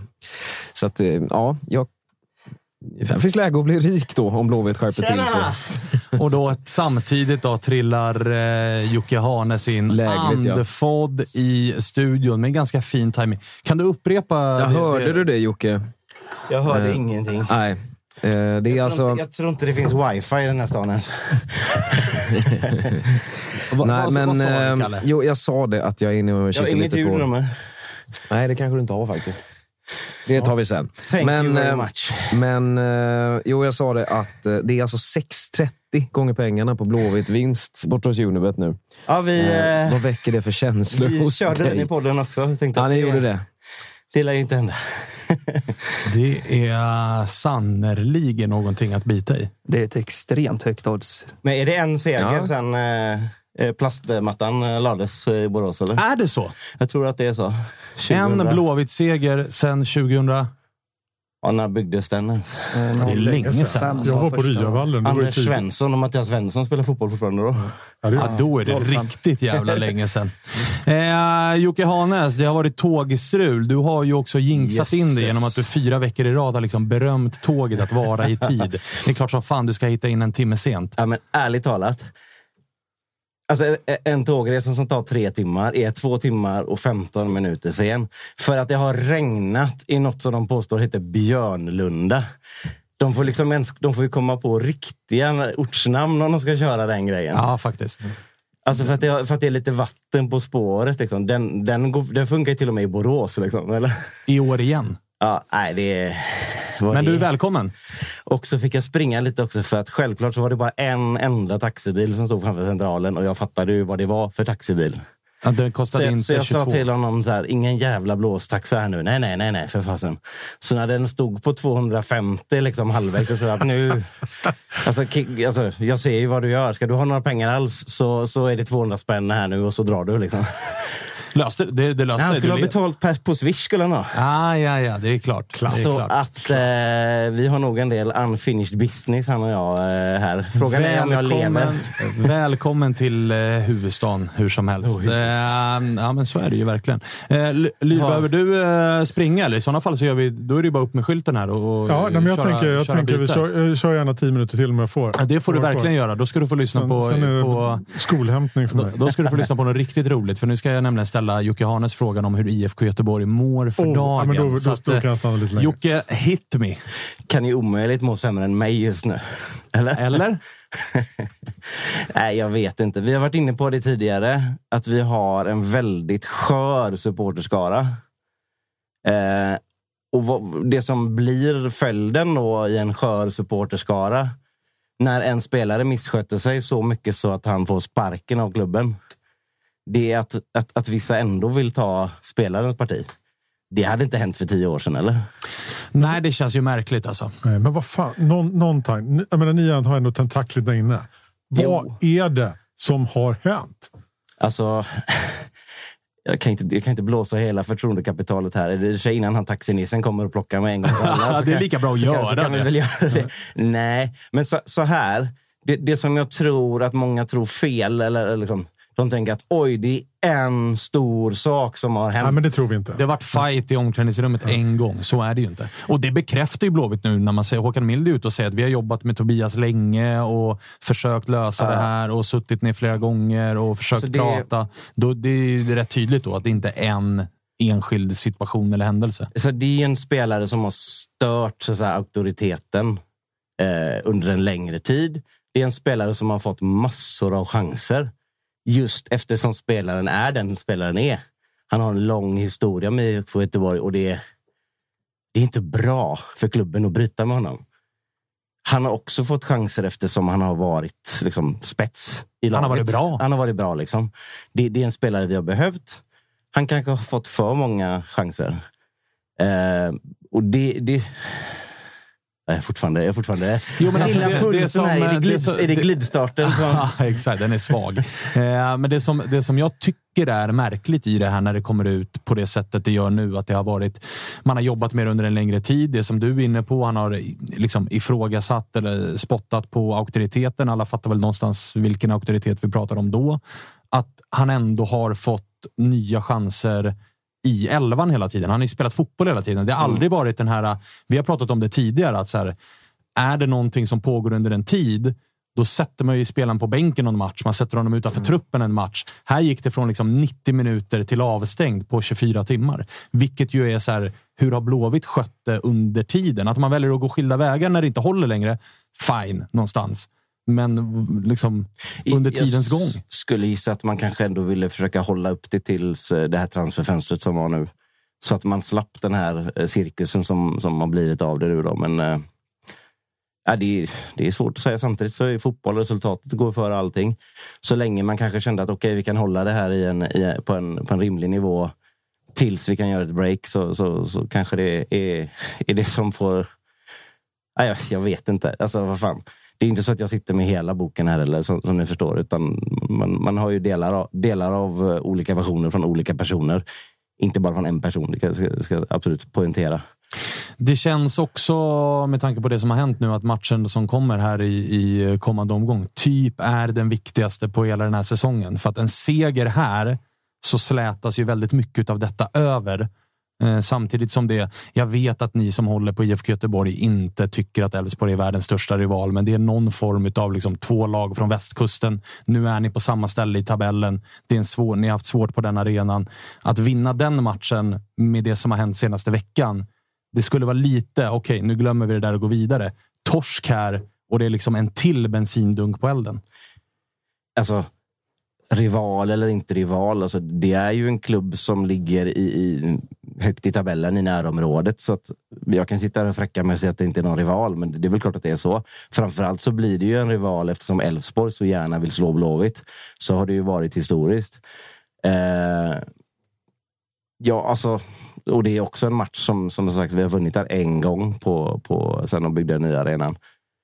Det är väl klart att en seger i det läget skulle ju betyda otroligt mycket för att man ska se att okej, okay, det finns någonting här ändå. Framförallt när man har gjort avslutet nu. Pang, nu bryter vi, nu går vi vidare. Om man går vidare med en seger eller ja, jag skulle nog till och med kunna säga att ett kryss på Borås Arena kan också vara att gå vidare med, med mer än man brukar hämta där. Eh, så absolut. Jag är inte säker på att en, en förlust mot Elfsborg i Borås skulle betyda död och pina heller om man inte blir överkörd med 5-0. Så att säga. Nej, exakt. Men du pratar ju också om en skör supporterskara. Verkligen så. Alltså torsken här och det blir ju verkligen... Alltså folk, folk kan nog tänka sig att till och med ta den där handduken och kasta in den i skåpet och ge upp säsongen lite grann. Vi, vi, vi har ju Sundsvall i sista matchen hemma innan uppehållet och sen så ska, det- ska det nog vara skönt, skönt med ett uppehåll tror jag. Ja, ja, men, ja, men grejen är den, det är, man säger att det snart är över och så vidare, att det är över, att ni har behandlat det och han är borta nu. Men det, man går ju bara väntar på nästa explosion och det är när Tobias Sanna ska berätta sin version. Jag tror inte att han är så dum så att han gör det nu. Eh, för då tror jag att han, han blåser sitt förtroende hos varenda sportchef som kan tänka sig att, ha honom faktiskt. Och då du menar att han väntar tills han får ett nytt lag, nytt jobb, för innan han berättar sin... För, för det första så hoppas jag ändå att de har liksom brutit det här med någon sorts... Eh, Någon form av gentleman's agreement. Ja, eller, eller till och med non-disclosure agreement, eller, eller hur, det, hur det nu heter. Du som har varit mycket i USA. Eh, men eh, Var det att han ska hålla helt käften menar du? Eller? att han inte ska prata om den här saken. Det- det- det- Tystnadskontraktet. Nej, hur, hur länge då? Jag, hur långt? jag, jag, jag vet inte. Jag tror inte att sådana existerar. Det, det kan vara så, men någonting man också har sett att liksom, Tobias har ju inte direkt förbättrat sin position genom alltså, agerande i media. Du pratar ju framförallt om liken på Instagram. Det är det du gör. Ja, men, men, men också, också liksom sättet som man som har sett liksom, entouragets eh, tentakler ut till vissa mediekanaler. Ja, men du, har ju varit, du, du är inte på fotboll direkt längre väl? Eh, där har man, där, där, jag menar, vi, vi får ju höra ganska mycket från många i stan. Och, och när man kan sätta en karbonkopia på de citaten som kommer ifrån entouraget med de rubrikerna och de uppgifterna som kommer ut i till exempel Fotboll Direkt. Då, då man behöver inte vara matematikprofessor för att göra, göra, Lägga pusslet. göra uträkningarna. Och det ligger ju inte heller eh, på plussidan för en spelare som sitter, redan sitter i skiten. Så, så jag menar, eh, finns det något rim och reson hos Tobias så tror jag att han bara säger inga kommentarer och går vidare på detta. Men man har sett värre. Tror du han kommer spela i eh, en eh, annan allsvensk klubb när fönstret öppnar igen? Jag tror att han kommer försöka söka sig till, till Danmark. Där han har... Eh, Gott legacy. ja, och där finns eh, mamman till barnen finns där också. Så jag, jag tror verkligen att han gör allting för att försöka eh, söka sig ditåt. Komma bort lite också. Och om det skulle bli en annan allsvensk klubb, alltså man kan ju spela i en allsvensk klubb som är ganska nära Danmark, men som inte är en klubb man har spelat i tidigare, som kanske skulle behöva lite offensiv förstärkning. eh, menar, hur, hur tror du att han, hur skulle han ta sig emot? Alltså, jag, jag vet fasen inte nu. Just nu är det, Det är ju en svår fråga, eller Det är så splittrat också, för det finns ju ganska många som vill lägga den här lilla rasiststämpeln på det, vilket är fullkomligt befängt såklart. Ja, det är det ju. Eh, och, men men så, så här, folk är sköra med det. Vi, vi har dåligt track record med, med förortskids och så vidare. Som tur är så har vi ganska mycket förortskids, eller vad man ska säga, i laget nu. Så, så att eh, det, egentligen går det inte att dra det kortet. Men man Men jag gör, menar- folk gör det ändå. Så att, Men jag eh, menar, hade han blivit eh, utbuad på Gamla Ullevi? ja, jag vet fan inte. Äh, det, visst är den svår? Ja, alltså, Hur hade du själv gjort? Jag är inte den som skriker och gapar och buar. Och så. Ah, just du, du har ju så gått på fotboll med mig. Ja, och det, var, det var inte lågmält, det var det ju inte. Nej, men alltså, nej, det, nej, det var det inte. Nej. Fick, vi fick alltså ett DM på eh, Instagram till BB-podd från killen som stod framför oss eh, på läktaren. Han hade hört på våran podd. Vi ska nog inte läsa det DMet. Nej. Men, men, eh, Nej, nej, men, nej, men där blir det, det blir ju så jäkla svårt. För eftersom jag tycker att han har gjort bort sig big, big, big time i laget. Men samtidigt under tiden i laget som, som han har varit där så har han ju varit så jäkla dundertrevlig. Ni vet ju att vi hade ju jättetrevligt snack med, med honom här. Liksom. Otroligt bra snack. bjussigt och, och sådär. Och så, här, så där har han varit hela tiden. Så den personen som jag har träffat en jäkla massa gånger, den kan jag inte tycka så illa om. Men, Men- samtidigt så, så, så är det ju världens största kniv i ryggen på klubben man älskar. Så, så det, det, det, och det, jag tror att det är därför som det är så jäkla splittrat. Liksom. Får jag bara fråga innan, innan jag går? Bara. Men Ja. Du pratar om en, om en skör supporterskara. Hur skört är klubben IFK Göteborg just nu? Hur han, för det här kändes som att det var det sista man behövde. Mm. Alltså, jag, jag, jag vågar ändå hoppas och tro och känna ganska säkert att hade det här kommit för något år sedan, då hade det skadat oss något så fruktansvärt. Nu finns ändå en grund med personer som vet ungefär vad de vill och som är trygga i sig själva. Och folk må komma och kunna tycka att Håkan Mild är en dinosaurie och, och från en annan tid. Och att Micke Stare är en tränare som är gammaldags med, med det, dagens snabbt rullande mått mätta. Ja. Men de borgar i alla fall för någon sorts grund och någon sorts högsta lägsta nivå. Liksom det, blir, det blir inte värre än så här. Det har jag svårt att tro.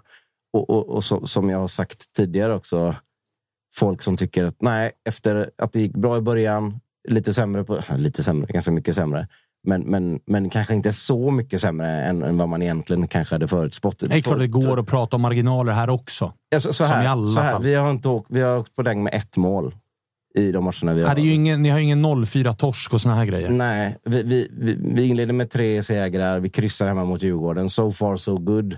Väldigt bra. Sen så förlorar vi med 1-0 mot Malmö. Mm. Då kan man, så kan man, 0 mot Malmö. Så kan man skriva historien. Det var ju en överkörning såklart. Men ja, det är ändå bara 1-0 mot Malmö. Sen förlorar vi mot Kalmar i en match som, ja, det har ni väl säkert varit inne på här, men den kan vi absolut lika gärna vinna. Det, det är inte mycket. Alltså det är en jämn match och en Ja. hörna avgör. Ja. Liksom.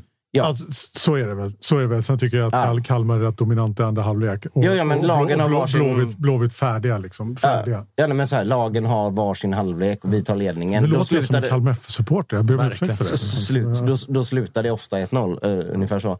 Sen så, visst, vi förlorar med 1-0 mot eh, AIK på Friends, som alla andra. Ja, det gör ju. Alltså, det, det, och sen så är den en, alltså, det är egentligen den, denna insatsen mot, i andra halvlek mot Kalmar och det är insatsen mot Varberg som sticker ut som dåliga. Alltså riktigt dåliga. Så det är ju inte så att eh, eh, de som jobbar på Kamratgården känner att shit, vart i helvete är vi på väg med våran säsong? Vi har ju ett spel och ett spelsätt och en, tr- och en trupp som, som spelar jämt mot nästan alla lag. Fan, nu, nu börjar jag bli baggad Bob här igen. Men jag tror, ni, jag, jag, tror ni, fatt- jag tror ni fattar vad jag menar. Hade vi liksom blivit kölhalade varenda match och inte gjort några mål, inte tagit ledningen, inte haft någonting. Ja, då hade man kanske varit lite liksom, mindre, mindre säker. Men jag tror att de som är där nu känner okej, vi jobbar vidare. Vi är ganska nära på att hitta någonting. Och, ja, så tror jag att känslan är där uppe i alla fall. känner du att det var svar på din fråga, Liv? Ett superbra svar. Jag tycker det är kul att ses också. Man ser, man ser liksom i... Man, Man ses på sociala medier. flödet. Ja, så att det är roligt att få ett ansikte. Du Mattias, tack som fan för att du eh, kom hit Tack och att jag pratade lite med. grann om Kalmar FF, vilket alltid är jävligt intressant att höra med tanke på hur nära du är klubben. Ja, men, eh, Lagom, lagom men tillräckligt långt ifrån. Ja, men att exakt. det- ja. När, när era lag ska möta Kalmar så lyssna in på... Du har väl en podd till och med där, där du Till pratar med. med, Ja, ja. Där du pratar med, med, med med, med, eh, vad heter han, Henrik Rydström. Mm. Ja, då. Ni har ju ungefär lite samma koncept. Ja. Prata med tränaren varje Förutom vecka. att jag också får skiten när vi förlorar. Ja, du, får du skit när eh, Kalmar förlorar? Att Nej, du borde säga inte. åt Rydström och byt tidigare och fel på elvan. Jag kan säga Folk att- tror jag att Jocke är Henrik- assisterande tränare. Liksom. Jag kan säga att Henrik Rydströms status i Kalmar just nu, det kommer krävas otroligt mycket mer, och då menar jag otroligt mycket mer förluster, för att någon överhuvudtaget ska argumentera liksom, eller kritisera Han har honom. flyttat in på slottet där nu va? Han är, han är nära, ja, fast hans, hans hus är lite som slottet kan jag säga. Så med Han- andra ord är det ganska skönt för Lyr att vara eh, Henriks eh, högra hand. Då. Ja. Det är bara att glida med. Liksom. vi, har, vi har haft Ja, våra tjafs och fler kommer. åsido. Så Ja, att, det, det är men fint. det. Då får du, jag hoppas du kommer tillbaka när ni har tjafsat och berättar om det. Det, det ser jag fram emot. Det gör jag gärna. Ja, bra. Eh, vi hörs då. Eh, vi ska fortsätta prata lite grann om IFK Göteborg. Innan vi gör det så ska vi ringa till Filip Rogic som spelar i IK Sirius nu för tiden och ska möta sitt gamla AIK här i morgon. Gör det. Det är trevligare ifall du sitter och mitt emot. Ja, ja, ja. Uppvärmt och, och eh, hela grejen. Vi får se om Filip svarar. Han har ju sitt Rogic-bygg också, så han kanske snickrar eller, eller vad han pysslar med. Rogic bygg alltså. Ja, ja. Kö- Kör på som satan. Han håller på att bygga något hus och, och altaner och pooler och allt, allt möjligt. Eh, än så länge så verkar det vara något kall på linan. Eh, så vi, får, vi får väl återkomma till Filip här vad det, vad det lider. Får jag fortsätta och riva i Sarnasåret? Eh, Absolut, mer än gärna. Det är underbart. Ja, men du säger ju att du har te- tentakler ute och sådär eh, och det är ju jättebra. Då undrar man ju såklart, är det här frågor där truppen i olika sätt har fått ta ställning? Det blir grupperingar och alltså frågor som har drivits som påverkar hela laget. Jag tycker faktiskt att... Oj. Ja. Saved by the bell. är det avsnittsnamn eller? Ja, ja, ja. Nu så, Filip Rogic, hur är läget? Tjena, det är bra. Det är bra. Själv då? Det är mycket, mycket bra. Eh, du, eh, vi sitter och pratar lite grann om krisen i eh, IFK Göteborg med Tobias Sana. Det ska vi inte prata med dig om, men du ska spela mot ditt gamla lag här, AIK, imorgon. Hur är, hur är det? Precis. Nej, men det är kul såklart. Ett Va? starkt AIK som, som har repat sig, om man säger så, sen säsongstarten. Så att de, de ser bra ut. Hur eh, är det för egen del? då? Du, missade, du har ju varit med i alla matcher här i inledningen, men missade senast. Vad är, vad är status? Ja, det är lite ba, ba, eller vad ska man säga, underkroppsskada. Ah, ja, ja, just det. Mm. Det är inget som är eh, allvarligt. Så, så Men har de inte sagt till dig ens vad det är? Jo, jag vet vad det är för skada. du, du, är, du, är ju, du har ju varit i AIK, så du har ju lärt dig nu att underkropp och överkropp, det är det man jobbar med. Ja, precis. Nej, men det, det är match imorgon, så man ska inte säga för mycket. Liksom. Jag har så jävla ont i foten, men det är underkropp alltså. Ja, ja, ja, vi får se vad det är. Eh, men du, det är många aik som blev förvånade och ska man tolka liksom dina gamla lagkamraters reaktioner när du lämnade så blev väldigt många ledsna också. Hur, hur, hur kommer det sig att du lämnade AIK? Ja, nej, men det var, det var nog det svåraste beslutet i karriären måste jag ändå säga. Uh, nej men det, var, det var väl mer att uh, det, det kunde, de kunde inte lova mig speltid på den positionen som jag ville spela. Uh, och ambitionen har ändå varit att kunna ta sig ut igen från Sverige. Så att då det är svårt om man inte får spela på sin position så att, så att säga. Men, eh, nej, men det var väldigt det var ett tufft beslut eh, att, att, ta, eh, måste jag säga. Det var, det var jobbigt. Eh, gillar du inte Sverige? Jo, jag gillar Sverige såklart. Eh, det gör jag. Men, eh, men det har ändå varit, varit liksom, karriären är inte så lång och, och, man, har, man, har inte, man har inte någon utbildning och sådana där grejer. Så att, Eh, de som säger att ekonomin inte spelar någon roll, de ljuger ju såklart. Det är bra. Det är bra. Man, eh, man, har, man har, eh, jag är gift och ska förmodligen få barn snart. Så det, det, är klart det, det, det är viktigt. Eh, om, man, om, man får, om man har chansen eh, att sticka igen så, så vill jag ta den. Men vad var det som gjorde det till det jobbigaste beslutet i karriären? då? Jag trivdes så bra i AIK eh, såklart. Jag trivdes väldigt bra i, i klubb gruppen med, med alla lagkamrater och, och alla tränare och, och, och, allt sånt med supporterna. Så att, eh, jag, jag, kände väl liksom att jag, jag hade varit där bara ett och ett halvt år eh, och hade haft den där eh, hälseneproblemet som, som jag till slut fick en operation för som ja, räddade karriären nästan lite känns som. Så att, eh, så att, eh, nej, men det, var, det, var, det var väldigt eh, jobbigt så för med tanke på att jag, jag älskar klubben alltså, och alla runt omkring. Det, det, det är något speciellt måste jag ändå säga. Och hur har eh, första tiden i eh, Sirius varit här då? Eh, för oss som tittar utifrån så har det varit en del upp och ner. Ni inledde ju bra, sen har det, kom det ett par plumpar där, där många höjde på ögonbrynen, framför allt över insatsen mot eh, Djurgården. Många var inne på att så här, vad fan är det ni pysslar med som ska spela tiki-taka i eget straffområde och ge bort bollen och sådär. Men, men eh, sen studsar ni tillbaka nu senast mot Elfsborg. Men hur har första tiden varit? För det är en helt annorlunda fotboll än den du eh, kom ifrån med AIK. Ja, nej, det är, klart, det är klart vi inte står eh, och pratar om i veckorna om att vi ska spela kortpassningsspel i, i eget straffområde och tappa bollen. Det, det är inte där vi, vi ska göra. Men, eh, nej, men vi, vi diskuterade det tillsammans och vi hade väl en eh, helt okej okay start där. Eh, gjorde väl inte så mycket mål, men men hade ändå sju poäng och tyckte väl kanske inte att spelet hade klickat riktigt. Och sen eh, så, så kom den där perioden där när vi kanske skulle, där vi nästan överdrev allt om jag ska vara ärlig. Eh, vi tappade, tappade djupledsspelet totalt och det blev mycket, många lag som pressade oss man-man och då, eh, då tappar man bollen till slut. Så, så är det i fotboll. Men jag tycker de två senaste matcherna, vi, vi åker till Varberg och krigar i stort sett eh, i första halvlek där och sen eh, andra halvlek så tycker jag att vi är mycket bättre än dem eh, och skapar mycket målchanser. Och, och sen Elfsborg är väl, väl en jämn första halvlek och sen eh, tycker jag laget. Så att, eh, nej, men vi, vi har tio, tio nya spelare in eh, och alla ska eh, komma in i det. Det, det, är, inte så, det är inte så lätt. Eh, men eh, vi är inte nöjda med de där tre matcherna. Om man säger släppa in tio mål och göra noll och tre torsk. Det är inte något som, det är någonting som vi vill glömma om man säger så. Hur är eh, eran tränare då? För han smyger ju lite grann i vassen och är en av de här eh, upcoming. Vi, vi har pratat Sirius med Robert Oman Persson som sitter i styrelsen som har pratat om så här. Vi vill jobba långsiktigt. Vi vill inte alltid bara gå på namn som har ett bra CV utan vi, vi tittar på andra parametrar och sånt där. Och det här var ju en tränare som kom lite grann från ingenstans, skulle ta efter från Rydström som hade gjort det väldigt bra och han eh, har ju fortsatt på, på liksom hakat i det Rydström inledde med, med Sirius. Men hur är han?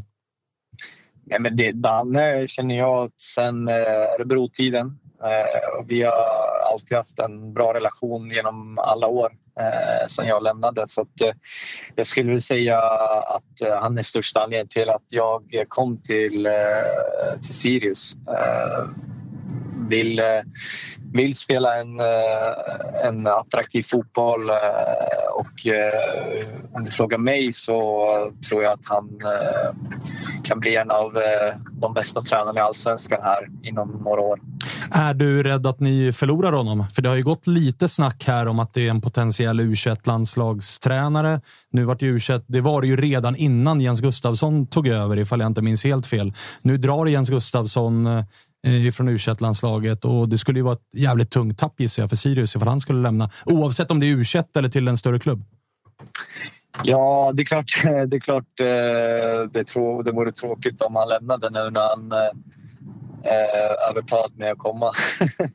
eh, så att, nej, vi, vi, vi vill behålla Danne så länge vi kan såklart. Det, vi har svårt att se att någon kan ta över den eh, rollen som eh, han, eh, den betydelsen han har för, eh, för oss spelare här i laget. Hur kommer det bli imorgon för egen del? Då? Kommer det vara speciellt att komma tillbaka? Eller det, känner, du liksom, känner du dig blank? Ja, såklart kommer det vara speciellt. Jag var ju och kollade på Malmö, eller AIK Malmö, så man får ju, man får ju rysningar. Det, det är ju så där. Det, det är ju... Eh, det, kommer, det kommer vara en speciell match. 100 procent. Akta flörten här nu så du inte får typ Bröderna Bernevall efter dig eh, om du, om du kräddar Gnaget för mycket här nu. Nej, men jag, jag älskar AIK. Jag är alltid på AIK förutom när de möter Sirius. Så, så är det. Eh, annars då? Hur går det för eh, Rogic Bygg? Nej, men det går bra. Det rullar på. Men det är inte så mycket eh, fokus där än. Liksom. Eh, det är ändå fotbollen som, eh, som är min, eh, mitt jobb. Det, men det är väl mer någonting för framtiden. Eh, man måste, man måste börja tänka på vad man ska göra efter fotbollen.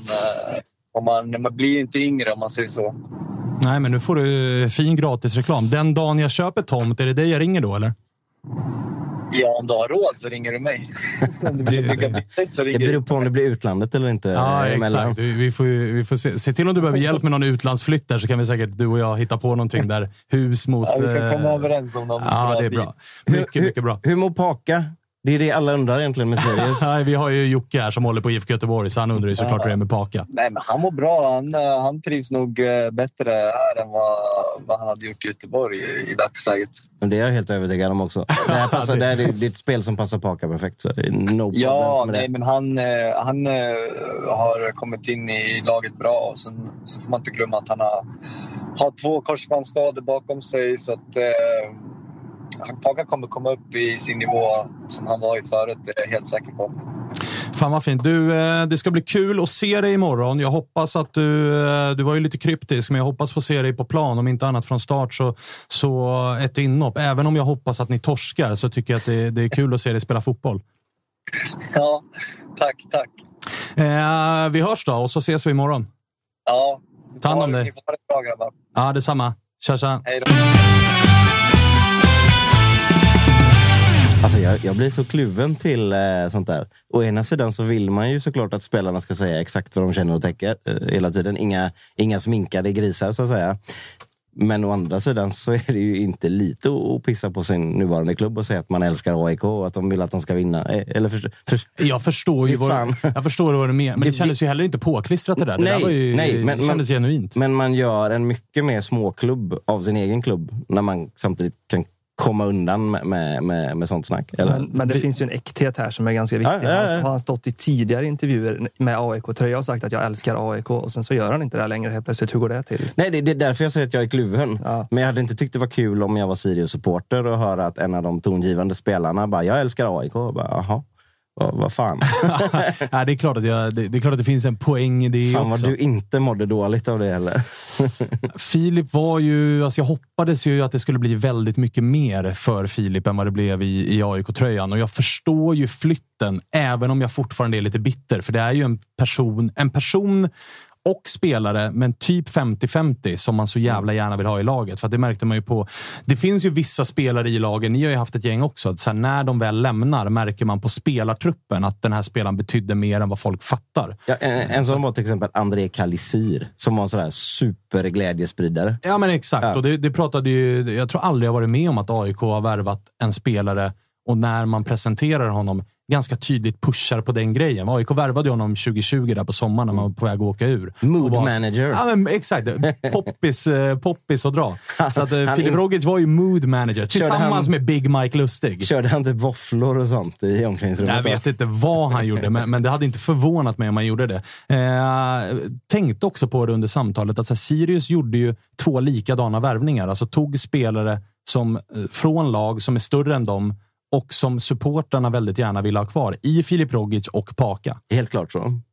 Ja. Rätt märkliga övergångar. Och jag hoppas som Filip tyckte att jag var större nu, så jag, jag, jag, jag, jag gillar ju honom också. Ja, ja, ja. Så, Det- det- såklart, det han, jag lycka, han, han lyckas med sitt mood manageri även genom luren. Så. Eh, nu vart du på gott humör igen när du fick prata lite Paka, men tillbaks till frågan från Jajamän. Jonas här nu. Vad var det för fråga du ställde nu igen? Jo, det var så här att du med tentakler ute vet ju mer. Mycket snack om tentakler hela tiden här nu. Det låter lite obehagligt Det tycker är bra jag. snack. Det är bra snack. Det låter som något kan bli metoo av i slutändan. Men den här infekterade situationen, är det någonting som har tvingat medspelare att ta ställning i frågor, bilda grupperingar, någonting där laget har splittrats på något vis? Alltså vi har ju, vi har, vi har väl haft senaste året, eh, har vi väl haft problem med det. Eh, alltså någon sorts grupperingar. Så här, jag, har inte, jag är inte så att jag sitter i omklädningsrummet, men det är så som snacket har gått. Eh, jag hoppas och tror att eh, en stor del av, av uppkomsten till det kanske inte är kvar längre nu. Det är hårt av mig att säga, men det, det, det är bilden jag får när man pratar med spelare, andra runt också. Jag måste faktiskt säga så här. Det är inte så att Stare sitter och spiller ut skit över mig att jag sitter här som någon megafon till det. För det hade, alltså, det hade inte funkat att göra så. Nej, det, det, Så att, eh, jag så förstår att- det, ja. men det är bra att du förtydligar det. Ja.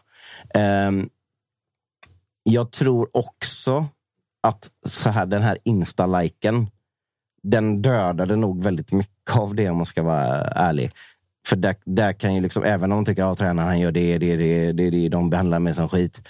Men till och med liksom den mest inskränkte fotbollsspelaren förstår värdet av att man trycker like på en sån kommentar på sociala medier. Är det något de kan idag, fotbollsspelarna, Precis. så är det ju värdet av sociala medier och vad man skickar för signaler där. så här i efterhand så är ju kanske det den största utskjutningen man har sett i, i, i, i allsvenskan mer eller mindre. Förutom typ Majstorovic eller något sånt där. Eller när Dooley Johnson stod och sa i media att I pray to God that he starts saving the balls om Tommy Manoja. Det var ju också en ganska... Det var ju i och för sig mot en lagkamrat, men Ja, den, nej, den men är visst. hård. Liksom. Ja, det är många sådana. Men, men det, det, det visar ändå tydligt, okej, det här är kanske över gränsen. Sen ska man också veta att fotbollsspelare, hur mycket polare de än är, den egna karriären, den är nummer ett till 200. Så, så att de som det pratas om som skulle vara i Tobias Sanas gäng, det är väl framförallt Tosa Aiesh och Alexander Jallow. Det är båda spelare som nog hellre ser om sina egna karriärer än att de ska gå omkring och sura över att eh, Sana har lämnat. Det, jag kan inte tänka mig något annat. Och om, om man tittar, framförallt det, det som jag egentligen tänkte börja med. Om man tittar på deras agerande här nu så ser man en ganska tydlig inrättning i någon sorts led, tycker jag i alla fall. Att de ändå har fattat att okej, okay, jag kan inte springa omkring här nu och med, med någon sorts Tobias Sana-gadd på bröstet. Uh, så jag Men drar, tror du... drar med tröjan så står det en bild på Tobias Sana när jag gör mål. Liksom. Det, det, går inte här nu, utan nu får vi vara lite smarta. Men tror du man kan kanske ha straffat Sana hårdare bara för att stoppa att den här grupperingen eller att det, det skulle sprida sig, det skulle eskalera? Eller? Alltså det är så otroligt spekulativt. Ja, det är det ju, såklart. Eh, det, är, det är inget jag kan svara på. faktiskt. Det, det vore nästan oseriöst att, att, sitta och gissa på sånt. Men eh, nu säger jag ändå. Det är klart du ska göra det. Oseriös som jag är. Nej, det tror jag inte. Nej, det, okay. det, det, hade, det hade väl kanske också varit oseriöst. Okay. Eh, men jag har hört dig prata om att stämning och annat på eh, Kamratgården snarare är liksom inte åt det kanske eller alltså, man märker inte av det här jättemycket. Det är fortsatt Nej, det, det, eh, bra stämning. Det, det, är ju, det är ju också en side story i sig. Då. Jag spelade in med, med Stare igår förmiddag någon gång. Och jag var, du vet, tittade på träningen, tog upp lite ljud. Kände, och, och det, det man verkligen fick eh, känsla, det var så otroligt harmoniskt, nästan parodiskt harmoniskt. Men som det var, kan vara när det är en naturskön plats, solen skiner man känner att ja, här är folk glada. Mycket folk som kikar på träning och sånt där. Eh, så, För var... man förväntar ju sig att så här, nu kommer det vara spänt i luften. ner och man känner hur det liksom bara vibrerar i luften. Så där. Nej, det var inte så. Och det var min första fråga. Bara, hur fan kan det kännas så jäkla harmoniskt? Och jag tror till och med att jag sa det någonstans i intropratan här. Liksom, att det, man kan tro att det ska vara tryckt stämning och så är det raka motsatsen. Sen blir det ju parodiskt när den här, för jag visste inte om att de skulle gå ut med detta samma dag. Så att jag skickar väl ut det här avsnittet där två timmar efter att eh, eh den eh, eh, pressmeddelandet kom så att säga. Så kände jag, ja, tajmingen var väl sådär här den gången. Men det kommer ju en ny vecka och ett nytt avsnitt. Ja, så är det ju. Eh, vad gör du utav, alltså det, var, det fanns ju grejer i kommunikationen som var liksom anmärkningsvärda ifall man vill gå in på liksom detaljnivå och prata ord. Att, att skriva att man väljer att avsluta samarbetet med Tobias Sanna är ju en speciell mm. formulering minst sagt. Alltså det, är väl, det är väl ett rivet avtal. Vi bryter avtalet med Tobias Sanna. Avsluta samarbetet. Det låter som någon sponsor Aha. man har en deal med. ja, det, det, är väl för att slippa ta orden sparken i munnen antar jag. Eh, det, det, är väl så enkelt att man försöker få det att låta lite mildare än vad det är. Det gör man, det gör man väl rätt i kanske som Elfsborg-supporter är man inte, alltså även ifall ni är på samma plats rent sportsligt i tabellen, du är inte riktigt avundsjuk på situationen i IFK Göteborg just nu? Nej, och det känns som vi är ganska förskonade mot sånt här faktiskt i vår klubb. Om jag... Ändå har ni samma poäng. ja, nej, men eh, vad, vad var jag tänkte på? Jag hade en annan fråga. Eh, Hossam Aiesh, mm. blir det någonsin bättre? Det är en sån där som man såg tidigt och tänkte att det här kan bli precis hur bra som helst. Och sen, som så många har gått i fällan, gå till Blåvitt och så skiter det sig. Han gjorde ju mål sist. Ja, det var lite där av frågan också. Kan det verkligen kan det bli något kanske? Jo, alltså. Ja, det är ju en humörsgubbe. Det, det, det är det. Hossam är väl en av de spelarna som, som i allsvenskan som kanske lider mest av att i vissa matcher tillåts, tillåts han bli fullkomligt hockeytacklad sönder och samman första kvarten innan domarna har hittat sin pipa. Eh, det är sånt som Hossam nog måste lära sig för att ta de sista kliven. Liksom att även om det är så här så måste jag kunna göra mina sulfinter i, i minut 57 ändå. Liksom. Eh, men, nej, men samtidigt så här, en, en, spelare med de spetsegenskaperna som Hossam har, det har ju alla sett, hade ju inte spelat i allsvenskan om det inte fanns en, en baksida med det. Så att, säga. så att eh, vet inte. Hur gammal är han nu? Jag avslöjar mig själv helt hundraprocentigt genom att säga att jag har fan ingen aning. Det känns som att han kan vara både 23 och 28. Han är äldre än 19 och under eh, 35 skulle jag säga. Då är han en av de yngre i truppen. Då. Men 25, 26 någonting. Borde inte ja, och då kan ju... Det, då blir Visa på 26, 27. Då blir det, ju en, blir det ju en allsvensk karriär utav detta. lite för... Om han inte gör en jävla dundersäsong. Han är 27. Fyllde nyligen år, 14 april. Men det går ju att göra en otrolig YouTube highlight reel. Ja, det gör det ju. eh, Och med, med andra ord, lite underbetyg till agenterna då, som inte lyckats eh, liksom, få ut honom utomlands. För att han har ju spetsegenskaper som är intressanta Mm. och som är jävligt bra. Ja, nej, men så här. Lite lättare liga eller sådär så hade han gjort total kaos förmodligen med, med, med någon sorts Ja, men jag menar- Saudi dit alla ska nu tydligen. Ja, eller bara så här, Holland för fyra Mm. år sedan hade ju eh, varit superbra. Men det är ju en spelare Mm. som, som behöver få... Han behöver ju höja sin lägsta nivå för att det ska vara eh, riktigt bra. För det är ju som du säger, att det, Mm. det pendlar ju lite för mycket. Och han är ju lite för... Eh, dum är väl hårt att säga, men jag menar... Blir han söndertacklad i femte minuten varje match, då kanske han ska inleda första fem med att inte utmana och vänta in. Eh, Ja, men alltså, han borde kunna hitta ett sätt att få ut mer av det. Det, det, är, väl, Ja. det är väl helt givet. Sen så ska jag vara ärlig så tror jag väl att... Eh, alltså, det känns inte som att han kommer förlänga kontrakten med Blåvitt heller nu. Det, det är inte feelingen i alla fall. Nej, men, det- men, eh, men samtidigt, samtidigt, när Stahre kom till klubben så var ju Hossam Aiesh väldigt nedtryckt i frysen. Mm. Uh, och det var det första Micke Stahre gjorde var att lyfta upp hos Anna Aiesh och säga att du ska spela för du är en av våra bästa spelare. Och sånt, sånt betyder nog mer än man tror också. Så att, Definitivt. Eh, på, eller när den här matchen spelas, då, vad, vad, vad tror vi att vi får se? För det är ju ett Elfsborg som gillar att ligga lite grann på, på kontring. Även om Elfsborg också kan föra spelet. Men med tanke på resultatet här nu senast och med tanke på vart man ligger så kanske att Thelin skruvar lite grann på, på saker och ting. Och eh, Blåvitt är väl ingen jätteskräll att säga att man kommer inleda med att försöka vara ganska kompakta och inte tillåta några omställningar. Även om Blåvitt också har varit bra det har du pratat om ett par gånger. Första halvlek brukar Blåvitt vara... vara eh, där är de väldigt bra. Andra halvlek eh, betydligt sämre. Det är ju nästan parodiskt bra i första halvlek. Ja. Jag tror att skulle man stoppa efter första halvlek så, så hade vi ledat allsvenskan. Typ.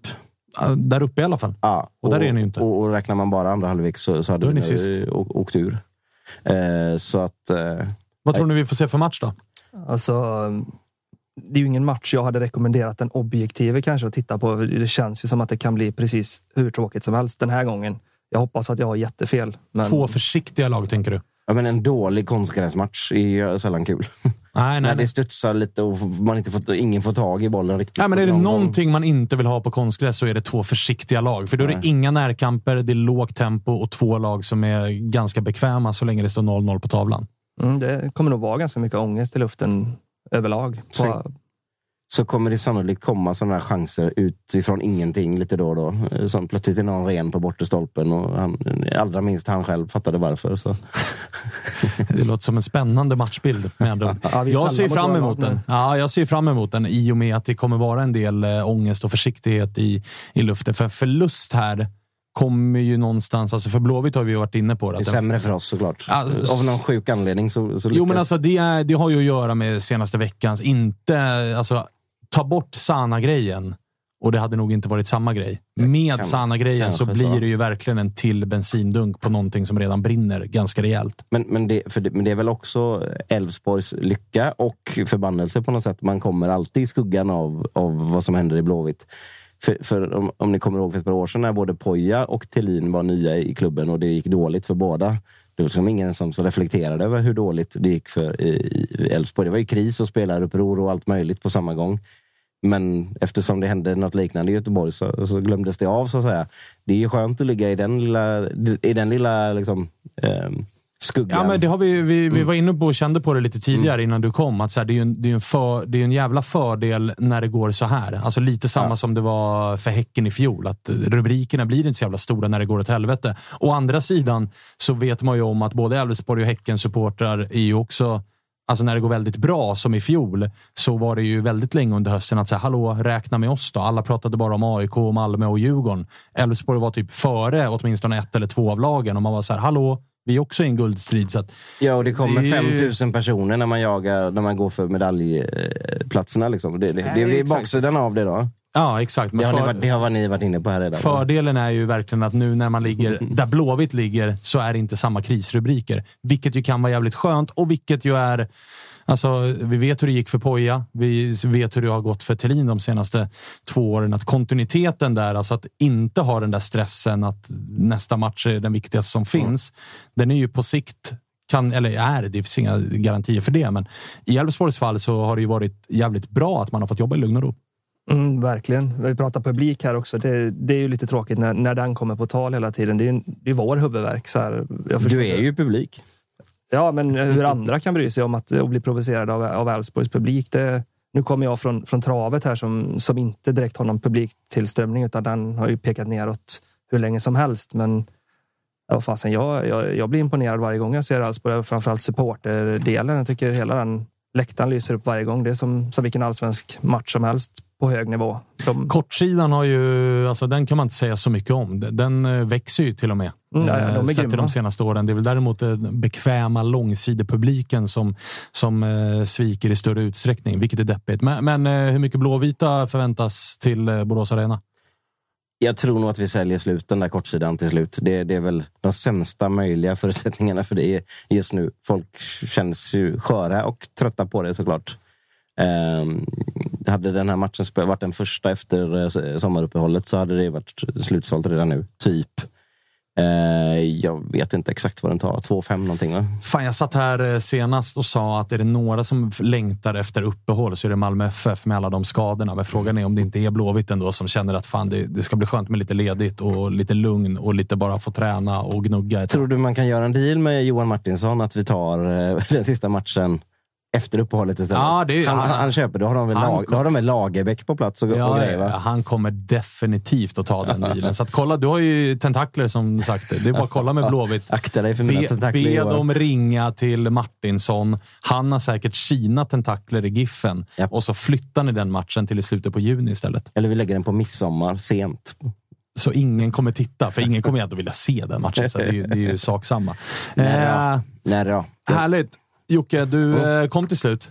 Som en virvelvind. Ja, det får man verkligen lov att säga. Och, eh, jag var tvungen att leverera en och en halv timme på en halvtimme. Ja, men det gjorde du, gjorde du med eh, bravur. Jonas, det var kul att du kom hit och debuterade. Du är välkommen tillbaka när vi ska prata Elfsborg igen. Det var, det var väl kul? Ja, men det här var roligt. Jag kommer gärna. Det var, jag fick också åka taxi hit, men som den vinnare jag är så kostar det 175 kronor. Från eh, typ Centralen. Bagarmossen. Ute i, ute i bättre tid än Jocke som bara haffar eh, första bästa. Den enda! Ja, ja, första bästa med andra ord. Kalle, ja? är du vaken eller? Jag är vaken. Härligt. Vad ska du göra nu då? Uh, nu ska jag bränna till uh, Göteborg. Vad ska du göra där? Faktiskt. Vi ska köra en, uh, mitt, mitt gamla jobb, Gott Snack, köra en livepodd på Stora Teatern imorgon. Så vi ska dit. Stora Teatern. Ja. Med andra ord, alla till Stora Teatern i Göteborg. Jocke, mm. du ska gå dit tycker jag. Jag ska åka båt imorgon. Ah, okay. Nej, men vad fan, det är klart vi kommer. Ja, lös det. Se till så att hela... Alltså, då, då kanske blå, den blåvita publiken får äntligen någonting att glädjas åt i sin stad. Adoptera Kalle. noterade också att uh, Geis leder uh, Divettan. Kul för dem. Ja, men man får väl hålla på guys i de lägre divisionerna. det är sämsta, sämsta härskartekniken. Jag tänkte säga, det är piken av härskarteknik. Att, att ens rivaler börjar hålla en tumme för att ens lag ska vinna matcher. Då, då har det gått jävligt långt. Det har det i och för sig gjort där nere, så att inga konstigheter. Eh, tack eh, för att ni har lyssnat och tittat och hör av er och, och följer oss och skriver till oss och, och, engagerar er i det vi gör. Den här serien engagerar ju sannerligen en hel del och det slutar ju aldrig komma lite härliga rubriker att eh, prata om. Det har varit Fokus Kalmar Kalmar, Elfsborg och Blåvitt idag. Vi får se vad det blir på måndag, för då är vi tillbaka med ett nytt avsnitt. Ni ser oss 14.00 live på Youtube. Ni hör oss på Spotify och på alla andra ställen där ni lyssnar på era poddar. Nu tar vi helg. Tack för oss.